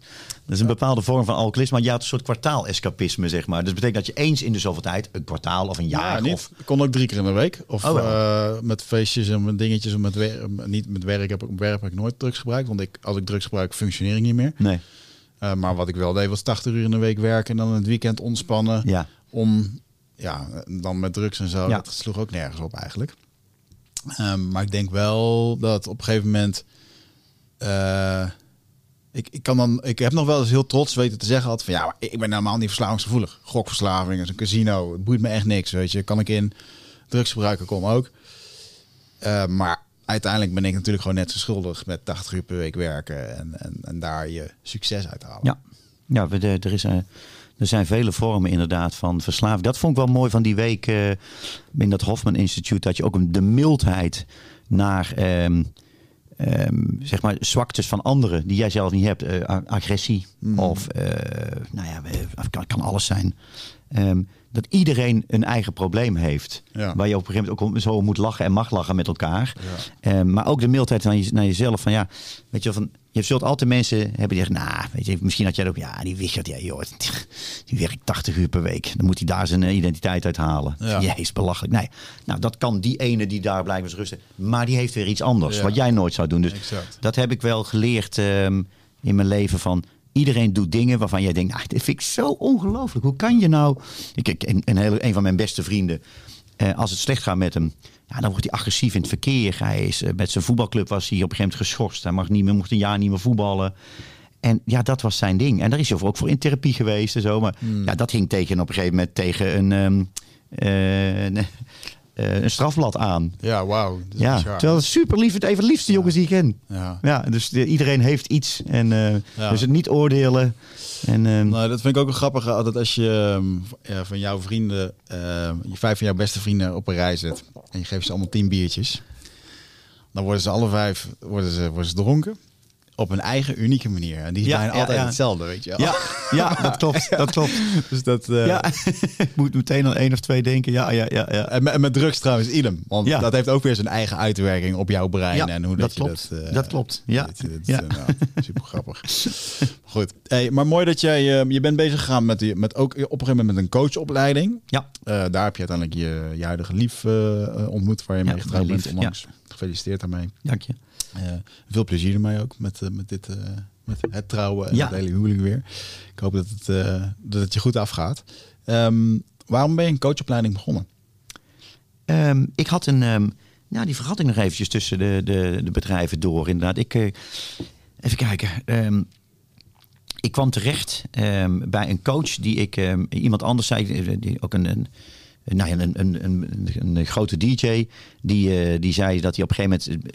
Beperkt, hij zei, ik voelde me op een gegeven moment, ik durfde niet meer. Ik kreeg zoveel succes, ik durfde niet meer vrij te zijn met draaien en produceren. En ik zei, oh, dat herken ik wel. Dat, eh, toen ik hier Komt de Vrouw schreef. Ik heb echt moeite met, met de deur dichtschrijven af en toe. Het moet me echt moet lukken om gewoon mezelf niet te censureren. Dat lukt ondertussen wel. Maar...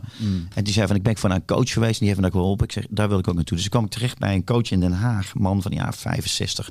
Fantastische vent. Een paar gesprekken mee gehad. Gingen we ook terugkijken naar mijn ouders. Wie was je vader, et cetera. En toen eh, we een sessie of vier hadden gehad. eh, en ik een, een behoorlijk bedrag armer was. Dus dacht van, "Ai, het is wel een leuk vak zeg, dit. Als je op dit niveau, hoe hij mij geholpen had. Ik had echt veel aan zijn, eh, aan de gesprekken met hem. En dat was geen, geen therapeut, maar een coach. En ik vond eigenlijk wel leuk. En een, een vriend van mij, die was advocaat. En ik zei, jij had toch, zeg, jij hebt toch ook eens een coach van? Ja, ja, bij Anne de Jong, daar zat ik... eh, ik zei, nou, dan ga ik ook in. Dus ik heb in zo'n klasje gezeten bij haar eh, met een aantal... De meeste waren dertigers en de meeste waren vrouw. En, ehm, eh, en ik zat in het klasje en eh, ik wilde gewoon de technieken allemaal leren van het coachen. En ehm, nou, dus eh, gelukt, ik ben geslaagd. En ik doe het nu af en toe. eh, ik heb nu twee trajecten lopen. ehm, die ik heel leuk vind. Ik neem alleen mensen aan die ik echt ja, wat ik denk, oh, daar kan ik je echt mee helpen. En wat ik het leukste vind, ehm, zijn toch mensen, merk ik, die eh, iets kunnen. Iets goed kunnen, maar die op een gegeven moment denken, ja, een soort is dit alles liedje van doe maar. Van, die eigenlijk niet weten welke kant wil ik nou op. Vaak dertigers, misschien begin veertig. Ja, ik doe dit nu, maar ik weet het niet. Wil ik, wil ik wel doorgroeien bij deze corporate tot waar ik voor voorbestemd lijk? En, ehm, ehm, en, en dat, dat vind ik leuk, om eh, daar die, te, die te, te, coachen, te helpen. En eh, nou ja, daar heb ik de, ja, iedereen denkt dat hij coach kan zijn, dat mag ook. Eh, ehm, eh, maar ik, ik vind het wel leuk om daar eh, de, zeg maar mijn, mijn, de oefeningen en de opleidingen die ik voor heb gehad te doen. En ik, ik, nogmaals, ik neem er niet te veel aan. En het, ik, ik vraag ook een best wel fors bedrag. Fors, ja. Nou ja, gewoon een advocatenbedrag, zeg maar. Ja. En ik vind het heel erg leuk om het te doen. Ik heb er gisteren en eergisteren allebei nog één gedaan. En die komen dan over twee weken toe allebei weer. En, um, en als je nu zou bellen, dan zeg ik waarschijnlijk nee, want ik ben bezig met boek. Maar zeg, nou, maar als het een heel leuk probleem is, dan zeg ik, oh, dat vind ik eigenlijk wel leuk. Uh, ja. Als je, mocht je nog twee maanden kunnen wachten, want dan is mijn boek hopelijk een beetje af. Dus zo. Als je nog twee maanden kan leiden en je Ja, die kan leiden, ja. Dan, uh, als de leidensdruk groot genoeg is, dan kom even terug. maar goed, uiteindelijk is het zo, dat is een mooie uitspraak ook over uh, een vriend van mij, die heeft een hypnotherapeut, die heeft ook een boek geschreven, dus dit is daar een term van uit. Um, en die, die spreekt over je favoriete kutgevoel. Oh, wat leuk. En dat is echt wel wat, je, ja, wat iedereen bij zich draagt. En iedere keer dat favoriete probleem van jou, dat zorgt ervoor dat jij dus iedere keer weer in datzelfde gevoel ja. komt. Dat je denkt, oh fuck, hier zit ik weer, weet je wel. Ja, ja. There you go, je favoriete Een oude bekende, een oud bekend kutgevoel wat je elke keer terug in gaat. Ja. Uh. ja, en ik denk, als ik dan daar zelf aan denk, dan denk ik voor mij is de grootste uitdaging is om eruit te komen. Ik kan wel zwelgen. Zwelgen in dat kutgevoel? Ja, zeker. Ja. En wat is dat dan bij jou? Um, niet goed genoeg, niet snel genoeg. Um, ja, toch sterk, toch er, ergens erkenning uithalen. Mm -hmm. Ik merkte dat door corona ik bijvoorbeeld niet op het podium mocht staan. En ik heb toen echt wel gemerkt dat ik toch een hoop van mijn zelfliefde toch haal ja. uit het applaus van het publiek. Ja, ja. Weet je, dus dat was een hele mooie, confronterende. Oké, okay, en nu heb je het niet. Ja, en nu? Ja, ja. En dan is een beetje de vraag: ja, ga je ermee rond blijven lopen? En um, ja, met het slagen van dingen. Dus als het niet slaagt, ja, dan... Als het niet het succes wordt, iets wat, wat je bent begonnen wat er niet het succes brengt of zo, wat je had gehoopt of gedaan. Ja, dus nou, als bijvoorbeeld als ik straks geen honderdduizend boek heb verkocht, ja, dan ben ik niet tevreden. Nee. Dus ja, ja, ja, ja wat vind je dan? En dat is dan jouw favoriete kutgevoel, zeg maar. Dat is, ja. Ja. Oh. Dus, uh, uh, en ik ben me er wel steeds meer bewust van, dus ik, ik kan wel, uh, ik probeer daar meer en meer uit te stappen en... Uh, en een van de dingen waar ik dus achter ben gekomen is dat ik gewoon mezelf saboteer door te veel dingen te doen. Waardoor ik die hoge lat die ik overal opleg op al mijn projecten niet kan halen. Ja. Uh, dus is het misschien fijn om dingen af te gaan snijden. Om, uh, maar daarin ben ik dus heel erg achter gekomen. Ja, ik doe dus heel veel dingen om mijn angst te spreiden. dus ik spreid een beetje mijn angst voor te falen. Doe ik met allemaal overal zit ik met mijn vingers en met mijn tenen een beetje in. Ja. Maar nooit ergens voor de volle 100%. Ja. En nu na 38 jaar ben ik daar achter gekomen. Nou, kijk. en, dat, uh, en dat was onder, uh, onder invloed van een, uh, van een, een, een bijzonder middel? Of, nou ja, dit, dit, hele, algemeen, dit, dus ja, dit hele specifieke ding wel. hè, dat je moet stoppen met dingen en eh, bedrijf verkopen. En luisteraars weten het nog niet, maar ik ga wel wat minder eindbazen doen. Dus nou, Mhm. hier bij de primeur. Maar dat leg ik nog wel een keer uit in de volgende aflevering. Ehm, maar nee man, ik heb ook echt wel een trip gehad aan eh, hypnotherapeuten, regressietherapeuten, familieopstellingen, weet ik het allemaal. Ja. Retreats en dingen. Dus eh, ja, ik ben wel blij met waar ik de afgelopen jaren ben achtergekomen. En vooral een hele goede Ja. partner die, eh, die in plaats van eh, de ruzie met je aangaat, je gewoon Ja. spiegelt in wat je aan het doen bent. Ja. En dan, en, ja. Nou, wat ik wel herken, want dat vergat ik ook nog te zeggen. Ik heb een, ehm, eh, een, co- een goede collega van mij, dat is ook in de media, Saskia Noord. Wij kennen elkaar al twintig jaar. En op een gegeven moment waren we allebei eh, vrij. En eh, nou, het was zomer en ehm, eh, werden verliefd op elkaar. Ehm, en, ehm, en zij, zij, wij kwamen na een maand of drie achter dat we eigenlijk elkaar een verhaal hebben aangepraat. Dat ehm, en waar we in gingen geloven. Nou, en bovendien vonden de- heel veel media vonden dat leuk. Dus dan is er nog meer. eh, en en de, zij maakte het uit. En ehm, eh, dat was de eerste keer dat het in mijn leven gebeurde. Dat iemand met mij uitmaakte. En, eh, maar wat haar boodschap zei, ja, ze zei, wij hebben gewoon een vriendschap, maar wij zijn niet, wij zijn niet verliefd geworden. Laat staan dat we van elkaar houden. Dat is, we hebben elkaar iets aangepraat en wat we, waar we in zijn gaan geloven. En toen ging ik ook denken, ja, dat heb ik in mijn verleden toch wel vaker gehad. Het was niet zozeer het probleem dat ik het te snel... Ik heb als twintiger dus twee keer samen gewoond. Ehm, ehm, ben gescheiden van uh, Nathalie, mijn ex-vrouw. Eh, een aantal jaren met Nicole samen. En ik was altijd een die er een eind aan maakte. En die eindes die waren ook terecht. Ja. Maar misschien was het begin niet terecht. Ah, ja. Misschien ehm, was het. eh, had, had ik nooit een relatie met, met, met sommige van die vrouwen moeten hebben. Dus dat ik in het begin geloofde in een soort versprookje van de verliefdheid, et cetera. En daar werd ik eigenlijk pas ook voor het eerst op met mijn neus opgedrukt eh, de, toen, eh, toen Saskia het uitmaakte. En ik van ja, ze heeft gewoon gelijk. Vond ik niet leuk toen, maar ze, ze had gelijk. Ja. En ook dat heeft me wel. En toen ben ik ook gaan meer gaan zoeken van eh, ja.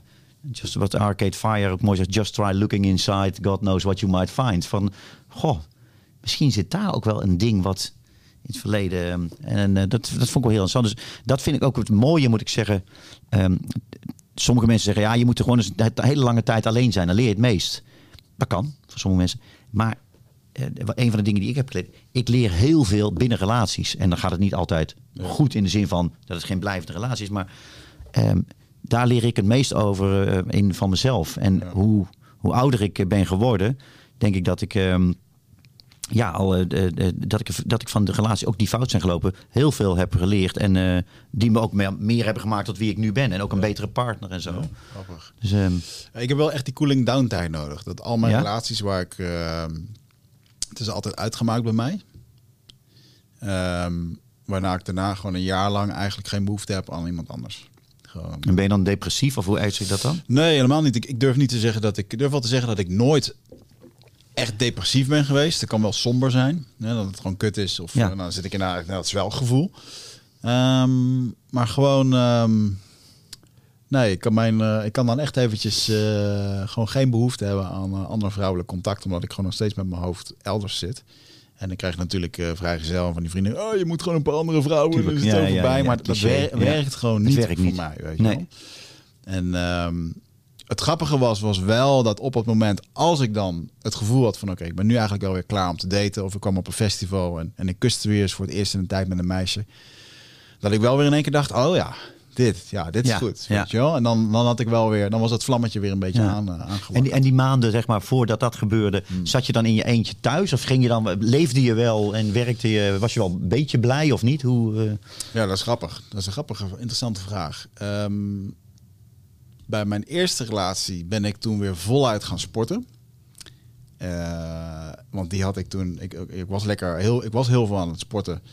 Twee keer per dag. eh, heerlijk in de vechtsport. En op een gegeven moment kreeg ik een vriendin. Mijn eerste echte vriendin. Leren kennen toen ik propper was in Kreta. Op Gezocht. Dat was echt fucking fout ook. op weet je wel. En ehm, ehm, toen, toen werd ik gewoon verliefd op haar. En zij was, zij was gewoon mijn wereld. Zij was gewoon mijn eerste echte liefde. En daar heb ik dus gelijk alles voor opgegeven als een schotel erachteraan. En zo ook behandeld, weet je wel.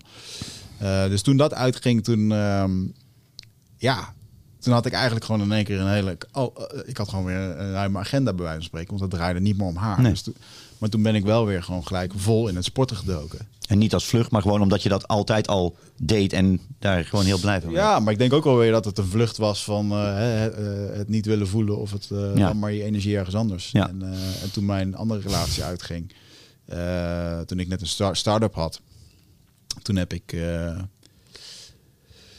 ja, toen heb ik wel echt die mannen in het geheim op kantoor geslapen en eh, Ja? ik raakte mijn huis kwijt en alles, al die bullshit. Dus eh, ben ik alles kwijtgeraakt. En toen, maar toen ben ik ook wel in een isolement gekomen waarbij ik eh, dat succes laten zien en Wigert die alles moest eh, behalen. Ja, dat lukte toen niet. En voor mij was dit toen de... Ja, nog een keertje een stempel erbovenop van zie je nou wel, het is niet gelukt. Dus ik wilde daar gewoon niemand mee lastigvallen. Je wilde niemand Nee. lastig van met. Ja. Dus ik ben toen kaart gaan werken. En die rekening heb ik later gehad. Dat ik toen echt, eh, toen alles weer oké was. En ik een huis kreeg. Dat ik gewoon compleet ben ingestort. ja. En mijn oma die zei dat toen heel mooi. Die zei van ja, Weert, je hebt gewoon, eh, je hebt gewoon je emoties niet. Je hebt gewoon geen kans gegeven, weet Nee. je wel. Je hebt gewoon je kop in het werk gestoken. Ja. Dus ehm, ja, dat, eh, dat eigenlijk. En toen heb ik ook een, dat is ook een interessante. Ik heb toen ook een jaar lang geen seks gehad met andere vrouwen. En dat, dat was een. eh, was, dat, was, een, was ook een bewuste keuze. Eigenlijk. Omdat, Nou, eigenlijk een soort, een soort eh, sabbatical, echt. Bij, eh, een reset gewoon van heel je systeem en van alles Ja. van. want ik merkte ook dat, dat ook in de relatie, natuurlijk ook met, met seks en met andere dingen. het zijn allemaal herinneringen van vroeger waar je eigenlijk de hele dag op draait. ja. En dat heeft voor mij super helend gewerkt. Om een, eh, ik begon dan ook heel veel te lezen over persoonlijk leiderschap. Ja. Toen kwam ook Taoïsme kwam erin voor. Ja. En dat waren dan echt de, de seksgoden. Hè? De, dus Oh ja? heel interessant over. Oké, van hoe alles kunnen controleren. Je emoties en je, Mhm. eh, natuurlijk ook je Oh de, de orgasmes en dingen. Maar eigenlijk ging het er meer over dat je, dat je gewoon je eigen energie bij je kon houden. Ja. En dat is natuurlijk ook een ding dat je iedere keer. ja, je eh, vermengt energie natuurlijk met seks. ja, en als je dat de hele tijd gaat lopen opzoeken bij anderen, dan ehm, ehm, hoe, ja, hoe voel je jezelf dan? En dat, Ja. dat ging toen echt, dat was eigenlijk mijn motto voor dat jaar. Van oké, wat voel ik nou eigenlijk? Wat, Ja. gaat er eigenlijk in me om? En, en nat- eh, om een of andere natuurlijke reden heeft dat gewoon geleid dat ik gewoon een jaar lang gewoon. eh, En dan ben je ook, en zoals je het zegt, dan ben je ook, dat was ook een helend jaar voor je. Ja, zeker, tuurlijk. Ja, Ja. ja. leerde Ja. mezelf echt weer opnieuw kennen. En, eh, want dat niet, dat niet willen voelen, dat uitte zich natuurlijk ook in dat harde werken. Ja, En toen op een gegeven moment werd ik gedwongen om thuis te zitten omdat ik een dikke burn-out had. Ehm, en, en ja, om toen gewoon een jaar lang, oké, wat als je nou niet de hele dag op je e-mail kijkt en eh, geen andere vrouwen, geen dingen, gewoon alleen maar jezelf. Ja, dat is, ja, het is echt wel een, eh, ja, dat kan ik iedereen aanraden. ja, ja. Dus eigenlijk was dat een soort ja. van, ehm, eh, was dat dan mijn, misschien was dat een beetje mijn moment van, van stilte. Hè? De, Ja. monnik, de monnik die op de berg zit en gewoon ja, alles bij jezelf houdt. Hm. Dus ehm, ja, en ik denk ook wel dat eh, in de wereld waar ik in op ben gegroeid, hè, want er was natuurlijk internet kwam net op, eh, porno, eh, sites, dat soort dingen. Ik zie het nu ook gewoon bij de jeugd dat mensen zijn gewoon hartstikke verslaafd, weet je wel. Mhm. En, en, en het doet wat met je energie. Ja. En, en als jij drie keer per dag jezelf achter die computer even, even behelpt en je komt vervolgens een bloedmooie vrouw tegen en het, en het lukt in één keer niet. Eh, en dan vragen ze zich nog af waarom ook. Weet je? Mhm. Ja, het is hetzelfde als hardloper. Iedere dag een sprintje trekt en je wil dan in één keer... Je kijkt van die films. en, ik, en ik werd me op een gegeven moment gewoon super bewust van... wat ons eigenlijk aangeleerd wordt in deze moderne wereld. Of het nu de mensheld was die ik, die ik las toen ik 16 was. Of hè, de sixpack in zes weken om van dat soort dingen. Of dat je de hele dag dat soort dingen zit te kijken. De echte wereld is gewoon niet zo. Nee, het En- consumen van wat je ook, of Ja. nou porno is of... eh, Ja, dan ben ik echt heel erg achter gekomen. De grote conclusie dat die, die wereld, onze wereld, leert je gewoon heel erg om niet van jezelf te houden. En, en, dat, en dan op een gegeven moment in het echte leven, in relaties, in het, op het allerkwetsbaarste, daar wordt het in één keer getest. ja. En dan moet je het ja, doen. dat klopt. Dat wordt in relaties getest, ja. Dat, eh, En ik denk dat daarom relaties ook zo eng zijn. En, het vind ik wel grappig. Ik zat erover na te denken in de voorbereiding van dit gesprek. Ik bewonder jou wel heel erg voor het eh, dat je die relaties iedere keer zo aangaat. Want best wel heftig, weet je wel, met alle dingen die er dan gebeuren. En dan denk ik, wauw, ehm, dat, dat, ja, ik weet niet of ik daar dan, eh, zou, heb ik daar zin in, zeg maar, in die intensiteit, zeg maar. Dat, eh, ja. Nou, dat is. Wij, wij hebben. Toen wij, eh, toen wij trouwden, hebben we. ehm, eh, hebben samen hebben we een verhaal. eh, we hebben de vouws aan elkaar gegeven. Nou, en op het eind, vlak voor, of op het eind van het diner. hebben we, hebben een verhaal eh, hebben we samen gemaakt. Waarin we zeiden van. ehm, we zijn hier met eh, 160 mensen, waarvan er. ehm, en we hadden. Wat is het, hadden we, eh, acht- 48 hebben een langere relatie dan 20 jaar. 20 hebben een lange relatie. En, en eh, eentje heeft er, deze week een relatie begonnen. Mm. En er zijn zoveel mannen, er zijn zoveel vrouwen, er zoveel gay, zoveel dit, zo, zo, zo, zo. En, ehm, en toen ging het erover van waar wij. ehm, en de, en toen, de einde van er zijn ook twee mensen die hebben. eh, on- de ouders van Ray zijn er niet bij, want die zijn overleden. Ouders van Anne wel. En die zijn hier, eh, allebei. Maar niet met hun partner. Of me- maar niet met elkaar, maar met hun partner. Die ze ook al 40 jaar kennen. ja. En dat was ons verhaal eigenlijk. Eh, liefde eh, komt in alle manieren. En ehm, die kan blijvend zijn, kan niet blijvend zijn. Maar wat wij allebei hebben. ehm, en Anne heeft ook best een bewogen liefdesleven. En mijn ex-vrouw was erbij, de moeder van mijn kinderen. Eh, Annes ex-man, de vader van haar kinderen, was erbij. Waren we heel trots op. Die ouders waren erbij. Van, wij zijn nooit cynisch geworden in het leven. Ons, het thema was ook durf. Durf te springen. En ehm, eh, wij, als wij elkaar 30 jaar geleden tegen waren we ook verliefd geworden. Maar misschien was het wel fout gegaan. Ja. En wat wij, onze ons liefdesleven, dus ook onze liefdespartners dankbaar voor waren. Dat ze ons ook hebben gemaakt tot wie we zijn. Niet dat we compleet zijn, maar wel dat we meer huiswerk hebben gedaan dan toen. En uh, dus dat we betere zelf, of meer zelfkennis hebben, beter wat we de partner willen bieden en wat we niet kunnen bieden. Uh, maar toch ook dat we allebei uh, niet inderdaad cynisch zijn en inderdaad vol erin springen. Wat jij ook zegt van ja, vol erin. Trouwen, waar iedereen bij is, groot alsof we twintigers zijn. Mm. En, um, en dat, ik ben er ook heel trots op eigenlijk. Dat ik. Um, uh, ik ben 57 en ik, cynis, elk cynisme is mij vreemd. Ik ben niet dat ik zonder oordeel ben of zo, maar ik, uh, ik kan me nog steeds, zoals ik me vroeger op Sinterklaas kon verheugen, tel ik de dagen af voordat Ajax Dortmund speelt. En, um, en straks komt Springsteen waarschijnlijk weer, gaat, gaat hij weer toeren. Nou, dan ga, ga ik zes keer daar naartoe. Mm. En, dus ik kan enorm uitkijken naar dingen. Maar ik kan ook enorm gelukkig worden Um, en van, van mijn relatie. Ja. En um, ik denk dus geen moment van, ja, maar het is toen al fout gegaan. Nee, we, echt, ik ben blij dat me deze kans ook gegund is. En terwijl ik mezelf beter, een betere, ja, beter mens Ja. klinkt zo pedant, maar gewoon wel meer, hu- meer huiswerk heb gedaan. En, Ja. um, ja, dus het, het durven en niet, ja, niet, niet cy- cynisch worden, daar ben ik heel trots op ook. Ja. En heel, heel gelukkig mee. Ja, mooi is dat. Ja, waar ik je dan wel voor bewonder, wat me dan heel erg bijgebleven is uit het boek van eh, Komt de vrouw bij de dokter. Is dat ik dacht, wow, je hebt veel momenten gehad dat je zelf in de nest hebt geholpen. Of Ja. dat, je, eh, dat je loopt te balen van jezelf. Weet Ja. je wel? Dat je weer in die kutsituatie Ja. zit. En dan, En niemand schuld kunt geven, alleen jezelf. Ja, ja, ja. dat is echt eh, goed.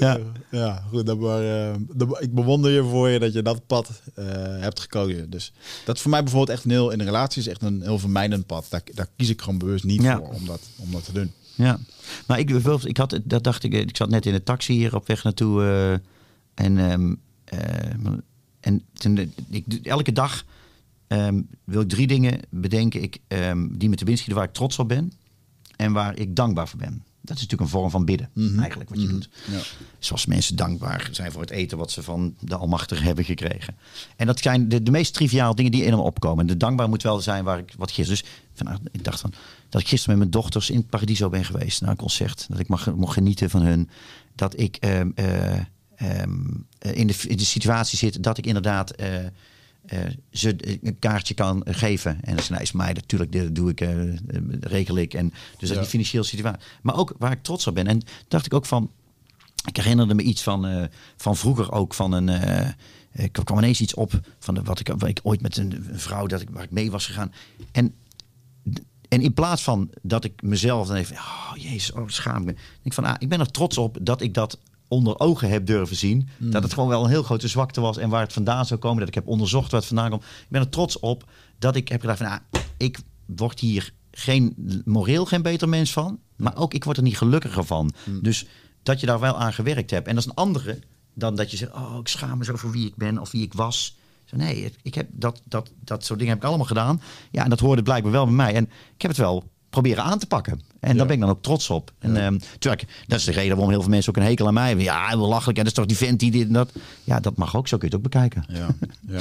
ja, als je niet naar jezelf wil kijken, is dat makkelijk. Ja. Kijk op die manier. Dat is wel het leuke van boeken schrijven, zoals ik de dingen zei. En die heb ik niet van mezelf, maar een vriend van mij zei: wat jij doet door jouw zwartste kant te laten zien, ontsla je mensen een klein beetje van de noodzaak om die bij zichzelf te zien. Oh, dat ja. is lekker. Dat is heerlijk. om Ah, eh, Ja. dit, dat. En Reinhard Oerlemans, die de film heeft gemaakt, zei ook heel mooi. Hij zei: Ik wil dat boek van jou, ze heeft zoveel indruk op me gemaakt. Ik wil als mensen de bioscoop uitgaan, dat er een kiezeltje in hun schoen zit. Dat, dat je even ergens iets niet lekker voelt. Verdorie. Ja. Namelijk, wat zou ik nou hebben gedaan? Dat je is een enorme lul, maar wat zou ik hebben gedaan? Nou, dat- dat- dan heb ik het naar mijn zin. Dat je, dat je die zwarte, donkere waarheid hebt Ja, ja, ja. je wel.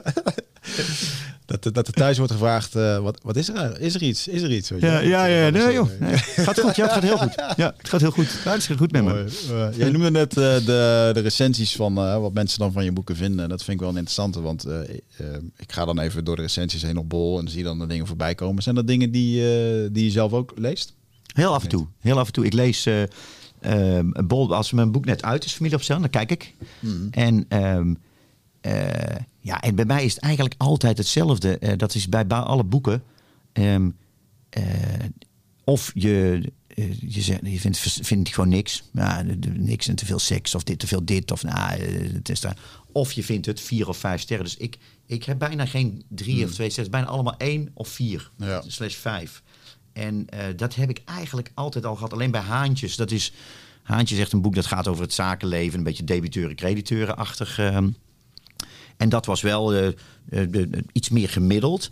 Maar, um, dus ik kijk even en um, als ik merk, zoals jij straks ook mijn familieopstelling beschreef, denk ah, fijn, het boek is geland bij weer, het is goed. Hij ziet zoals, het, ik het bedoeld heb. Mhm.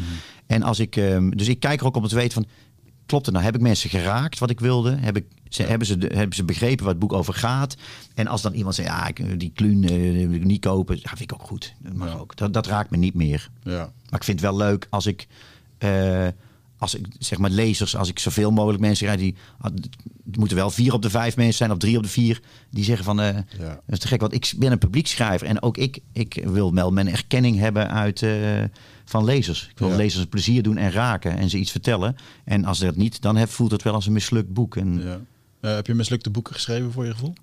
Nee, wel commercieel. Hebben, ik had met Ronald Schippert heb ik samen een boek over voetbal geschreven. Daar had ik meer van verwacht hmm. in, in aantallen. Maar um, uh, nee, de, de weduwnaar. Um, ik dacht toen ik begon te schrijven. Um, dat de weduwnaar en komt de vrouw bij de dokter was eigenlijk één verhaal. Hè? Man wordt geconfronteerd met iets wat hij niet kan veranderen, namelijk zijn vrouw heeft kanker. Ze gaan door een hele een, een, een achtbaan in hun relatie. Ze overlijdt. Hij moet daarna rouwen dat lukt hem niet en gaat met zijn dochter naar Australië. En daar leert hij van alles. En zoals het altijd gaat, dan, na een dood, dan denk je ineens heel veel te zijn gegroeid en bla bla bla. En ik dacht eigenlijk dat het voornaamste verhaal zat in wat er na de dood van Jut gebeurde. Mm Daar ging ook 80% van mijn aantekeningen over. Achteraf denk ik dat, eh, komt de vrouw bij de dokter, dat was het verhaal. En wat er daarna met Stijn, eh, een, een volledig uit de hand gelopen versie van mezelf uh, maar wat er daarna met Stijn gebeurde, is misschien iets minder interessant, toch? Mm. En um, ik denk wat heel veel mensen die iemand verloren hebben, die, willen ook, die denken dat dan het belangrijkste met ze gebeurt. En um, dat is ook vaak zo. Dan verander je in die tijd enorm. Maar um, dus ik denk dat ik De Weduwnaar het minste boek uh, van mij vind. Mm. Maar ik snap ook dat mensen die niks met uh, uh, zakenleven hebben, dat die haantjes, dat ze er niets zoveel ja. aan vinden. Terwijl Haantje is een pastiche, is een su superleuk boek in zijn soort, maar niet meer dan dat. Ze gingen er ook een theaterversie van maken. Ik denk, ja, succes, maar het, was, het werd ook geen succes. Het was niet een. Uh, dus ik, ja, en met DJ ben ik het, het blijst technisch als schrijver. Dat, plot zit goed in elkaar. Het en, en Um, dus ik weet, ik, ik, weet zelf wel op een gegeven moment, ja, dit is, hier ben ik heel tevreden mee. Maar ik, ik vind het wel lekker om op bol te kijken. Oh ja, gelukkig, het is geland. Ja, ja en uh, als andere mensen, eh, zoals bijvoorbeeld een Reinhard Oerlemans, uh, aan de haal gaat met je verhaal om er een verfilming van te maken of theatertour. Of uh, we spraken Jan Terlouw. Mm Die mhm. zei, dat is echt nooit goed gegaan. Het is gewoon, ze maken er altijd iets anders van. Ja. Het is nooit wat ik wil, wat, wat ja. het uiteindelijk was. Ja. Herkenbaar? Nee. Nee, ik vind het. Um, um, ik, ben, ik ben ook. Ik ben een verhalen vertellen. Ik wil een verhaal vertellen in elk boek. En um, Um, en daar, eh, ik kan geen films maken, ik kan niet zingen. Ik, uh, dus ik, mijn, mijn instrument is een boek. Mm -hmm. En ik vind het een enorme eer als mensen daarna uh, daar iets mee gaan doen. En toen Reinoud ooit de, de rechten verkreeg.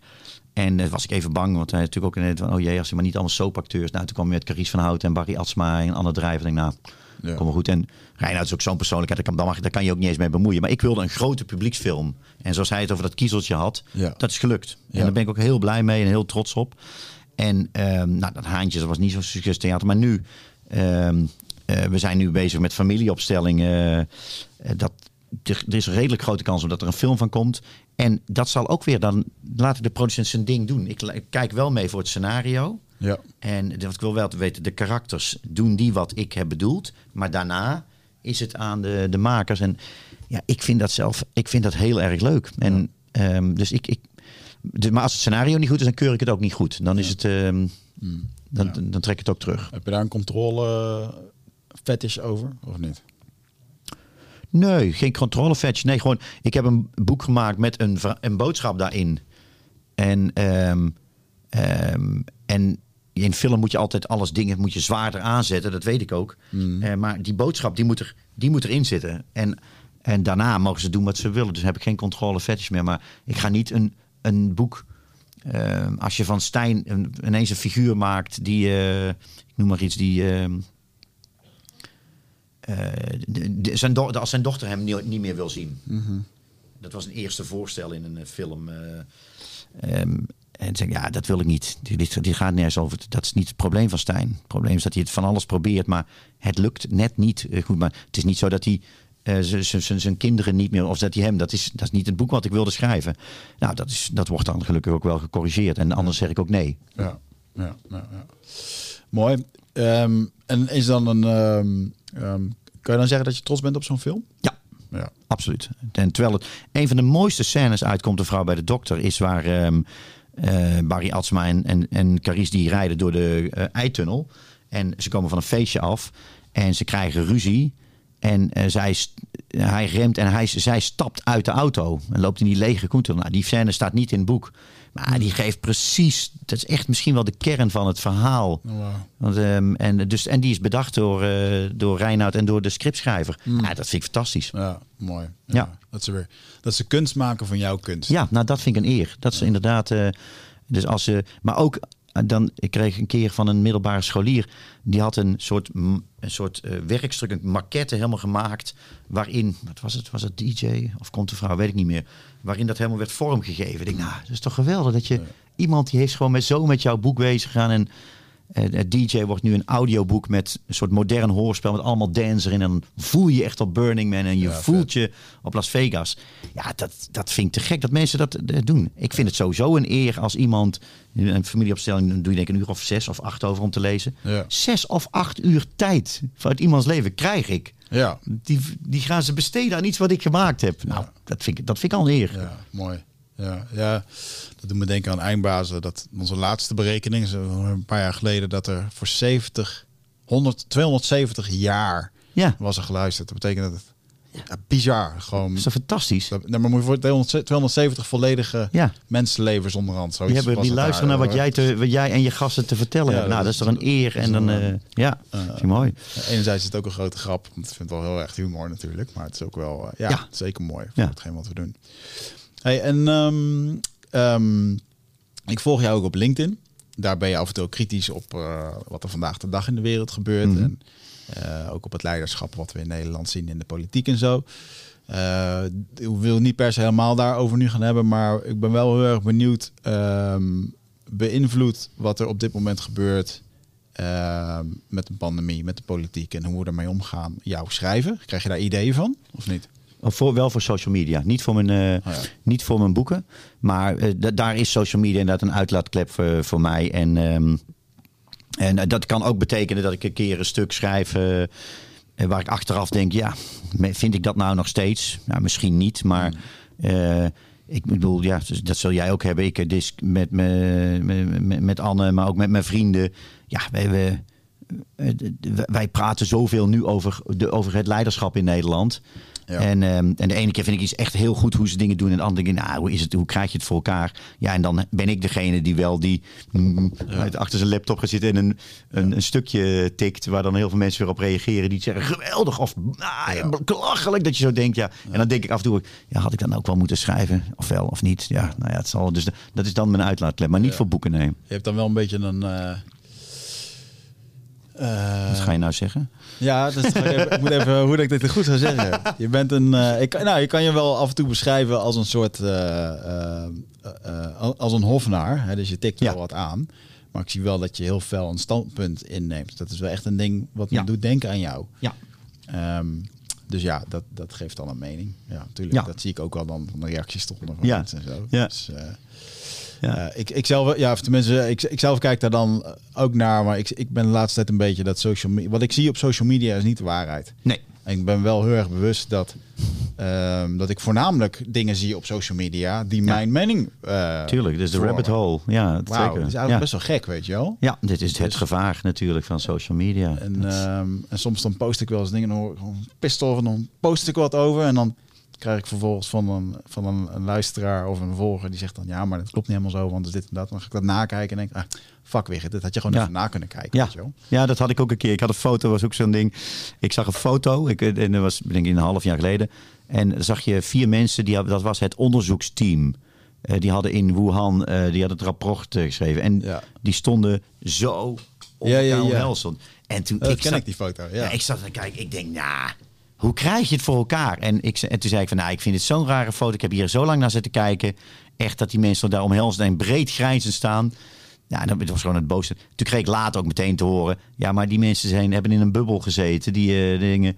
En toen zei ik nog, ja, dat klopt wel. Maar ik zeg, in deze tijd, ja, eh, waarin eh, als, als, de, als onze koning een, iemand een hand geeft, wordt hij eh, of, belachelijk. Ja. En denk, dan, dan moet, had dat zo gemoeten. Maar denk van, ja, ja, wat bemoei ik me eigenlijk? Wat doe ik nou wel moeilijk? Wat dus, ik heb ook wel eens dat ik iets schrijf en denk van, nou, waar heb ik me druk over gemaakt? eh, en was dat nou wel zo inderdaad? Ja, eh, 100%. of eh, dat had ik misschien beter mijn huiswerk kunnen doen. Ja, grappig, want die foto die zit ook nog in mijn geheugen. Als Ja. dat ik heb ik me over geïrriteerd. En dacht ik, die, over die Marion was dat toch? Die, Ja, ja, ja, ja, ja. mooi dat ik Zo, daar... die arme mensen hebben twee, drie weken in een hotel gezeten voordat ze überhaupt iets mochten doen en zo. En, maar dit de rapport stond al ter discussie. Dus, dus bij mij was het een soort, denk ik, gevoed door allerlei dingen die ik vond. En eh, nou, dan vond ik ook dat ik er iets over moest gaan schrijven. Ja.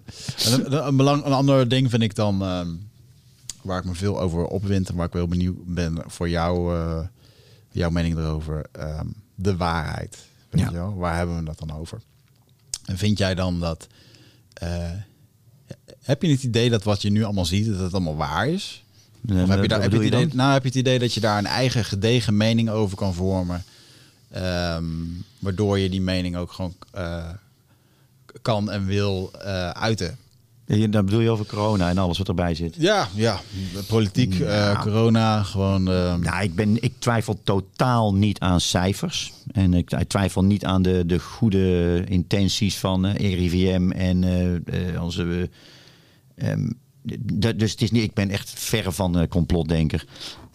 Maar ik word ook wel door mensen gewezen op dingen die hebben. Nou, maar misschien, ik ben zelf gevaccineerd. En eh, nou, op onze bruiloft was het 90% van de mensen gevaccineerd. En die andere, dus 15 mensen, die hebben keurige testje gedaan, et cetera. Ja.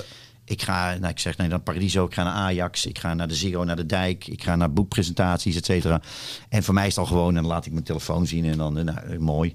En, ehm, en mijn mening is de, de, dat ik, ja, of je laat vaccineren of niet. Ja, en als je niet laat vaccineren, ja, dan moet je in deze tijd van de pandemie, ja, dan moet je gewoon eventjes toch dat testje halen. En dat, dus ik merk wel dat ik daar, dat ik daar een mening over heb. En dus als mensen principieel zeggen, wat jij net eh, van ja, ik, ik, ik, ik doe daar niet aan mee. Denk ik, ja, ook best. Maar ik ben in een voetbalstadion ben ik al 30 jaar gewend. Dat ik allerlei passen moet zien, laten zien en dit niet meer. Dat je, ik vind dat niet zo erg. En we laten alles op Facebook en op al onze socials zien. Dus ik, die discussie met, met privacy en zo, dat heb, ja, daar, daar heb ik minder. nou, Ik weet niet of dat of ik nou populair maak bij deze podcast. Maar ik besef ook dat ehm, eh, het is wel heel rigide hoe we kijken naar eh, bepaalde cijfers. En, de, ehm, dus ik, ehm, ik geloof wel de cijfers die zijn. Alleen de interpretatie daarvan, dan, en ik, ik lees er best wel veel over van alle kanten.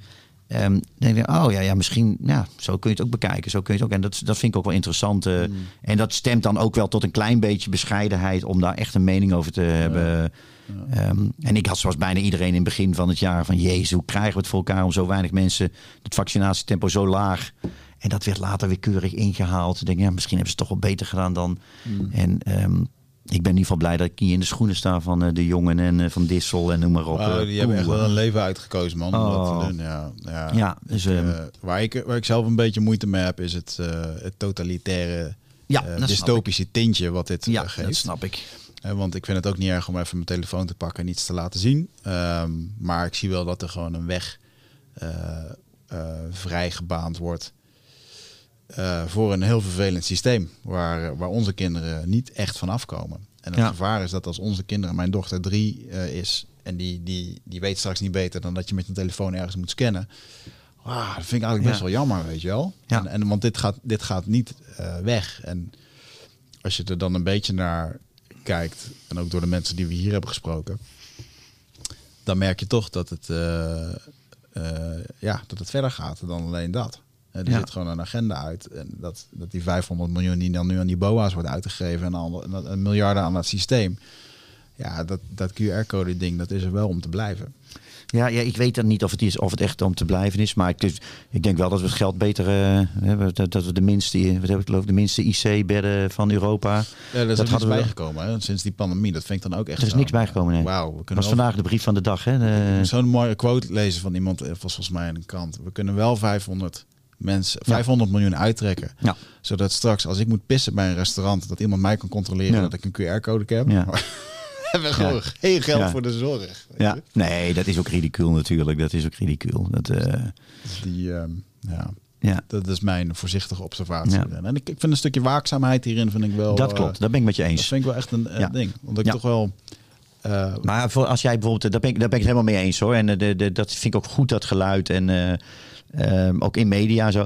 Maar ehm, ik, weet niet hoe jij het doet, maar als ik bij social media dan. Ik, en ik, ik, ik heb iets gekocht bij een, een nieuw bedrijf of zo. En, ehm, maar mogen we dit of mogen we dat? Of ik, dan is toegang tot. eh, ja, ik ben daar ook zo laks in. En dat bijna iedereen die, die op social media zit in ieder geval, die weet ook, we weten alles van je. We weten alle, hè, ze, men weet alles. eh, ja, en- ja, ja, dus ja, dat klopt. daar zijn we zo onvoorzichtig in. Alles ligt op straat. En Ja. we hebben die slag als part, als, eh, om onze persoonlijke privacy hebben we al lang vrijwillig Ja. eh, verloren. Dus dat.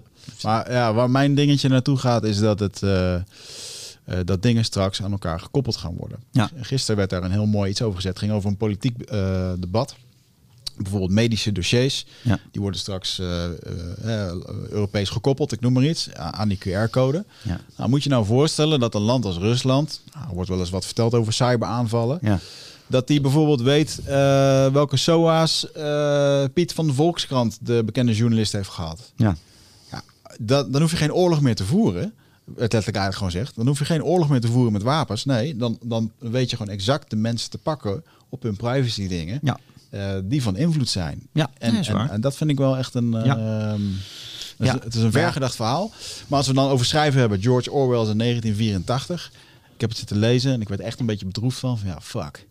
Het, het- ergens, ergens is er wel een soort van, dit is nu aan, het, aan, aan, aan de hand. ja. En gaat het minder worden? Ik denk het niet. Nee, ik denk niet dat het. Ik ben wel benieuwd. eh, die, die, die, weet je het? eh, Ik weet dat, dat rabbit hole gevoel. Hè? Je hebt de, Mhm. ik weet het ook de, de. Ik weet helemaal niet hoe de, hoe de film heette, maar over social media. Down- waar Down je- the Rabbit. Ja, die, ja, Down the eh, Rabbit Hole volgens mij. Nou, zoiets. Maar we bedoelen hetzelfde. ja. Is dat die Netflix-docu? Ja. Ja, dat vond ik een waanzinnig goede... Waanzinnig. En dat besef ik ook. En ehm, ja, ehm, maar ik geloof, eh, ja, ik, ik, ik ben niet van de complot. Ik vind dat, dat het boek van, eh hoe heet die, Harari heet hij? Ja. Van, eh, waarin hij haarfijn uitlegt waarom complotten gewoon eigenlijk gewoon niet kunnen. Mhm. Nee, dat, En dat is in die Deuce, Deuce X, eh, wat die, dat, ja, dat zwarte boek? Ja, ja. En ehm, ja, ik, ik, ik, ik geloof dat iedereen het op zijn manier heel goed probeert. Er worden enorm veel fouten gemaakt. En ook door politieke leiders. En dan zijn we te laat begonnen en dit en zo. Maar ik geloof echt ehm, dat, eh, nou ja, misschien niet de, niet de, zeker niet de Poetins en de Erdogans. Maar ik geloof echt dat eh, de, of die nou Biden heet of, eh, of Rutte. of, ze proberen het op hun manier. En ja, er worden veel fouten. Het was nieuw, best nieuw, zo'n pandemie. Spaanse griep hebben we z'n allen niet meegemaakt. Ja, ja. En er worden heel veel fouten gemaakt. Maar ik, ja, we moeten er nog even mee door. En ik, ik, we gaan het zien. Ja, maar dat, maar dat is een interessante, hè? want ik, laatst had ik zo'n documentaire te kijken over de Vietnamoorlog op Netflix. Ja. Fucking dik gemaakt ook. En Ja, verteld op een manier dat ik het eindelijk een keer begrijp, want niemand snapte daar wat van. En dan eh, eigenlijk kom je daar tot de conclusie, ja, eh, complotten bestaan ergens toch ook wel weer wel, hè, op bepaalde niveaus. Eh, Ja, er worden be- bepaalde beslissingen genomen, maar uiteindelijk lijkt het alsof er gewoon een of ander giga-algoritme omheen zit.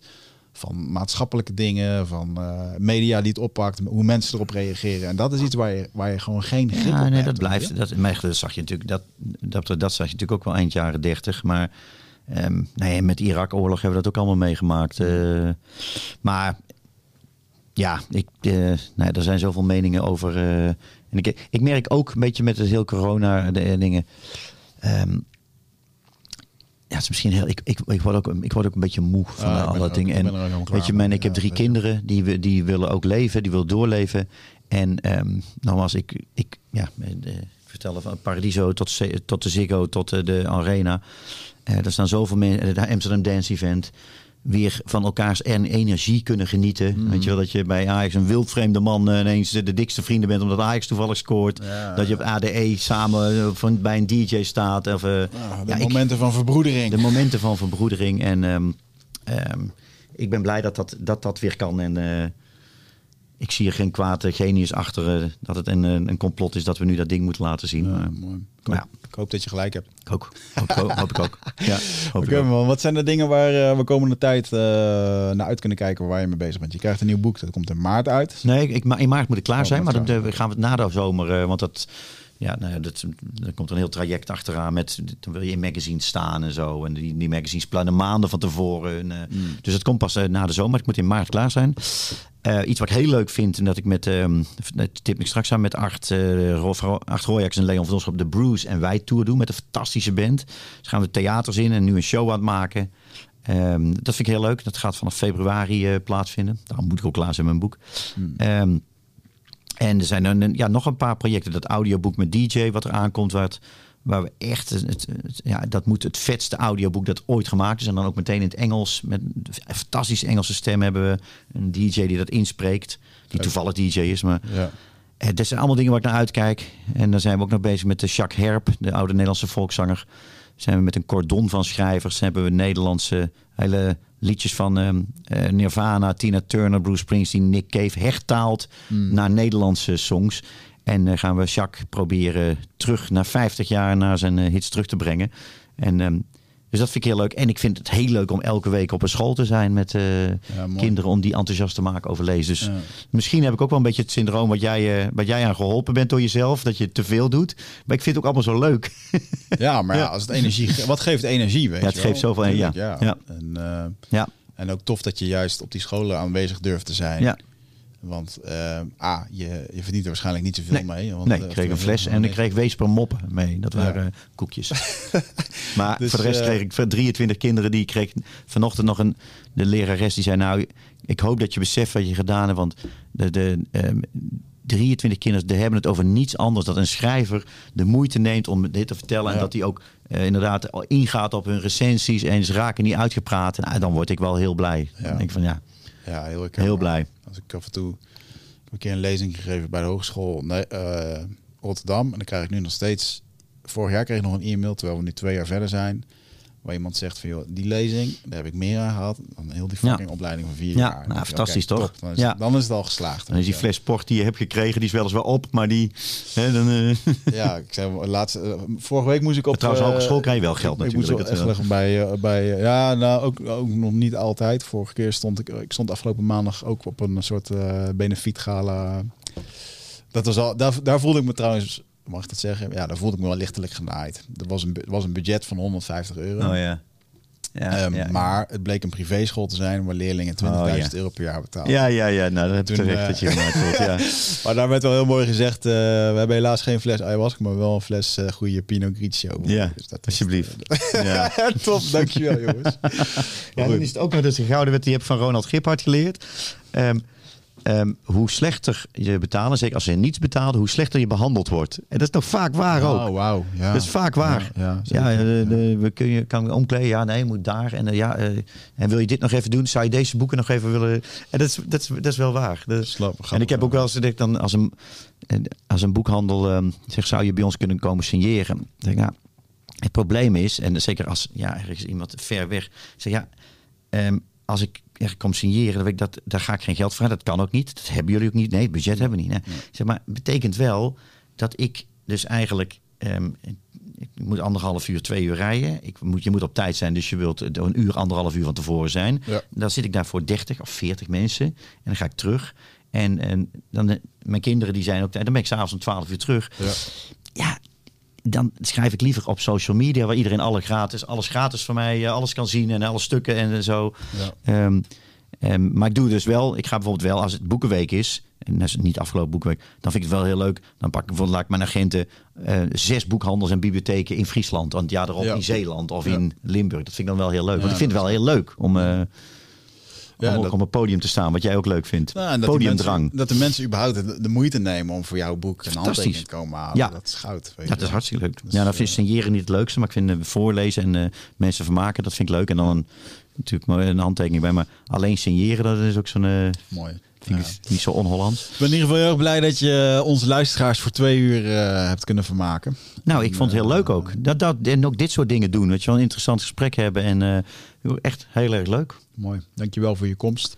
Jij bedankt. Ehm, luisteraars, dankjewel voor weer het luisteren naar Eindbazen. En eh, we hopen jullie weer te zien bij een van de volgende afleveringen. Tot de volgende keer.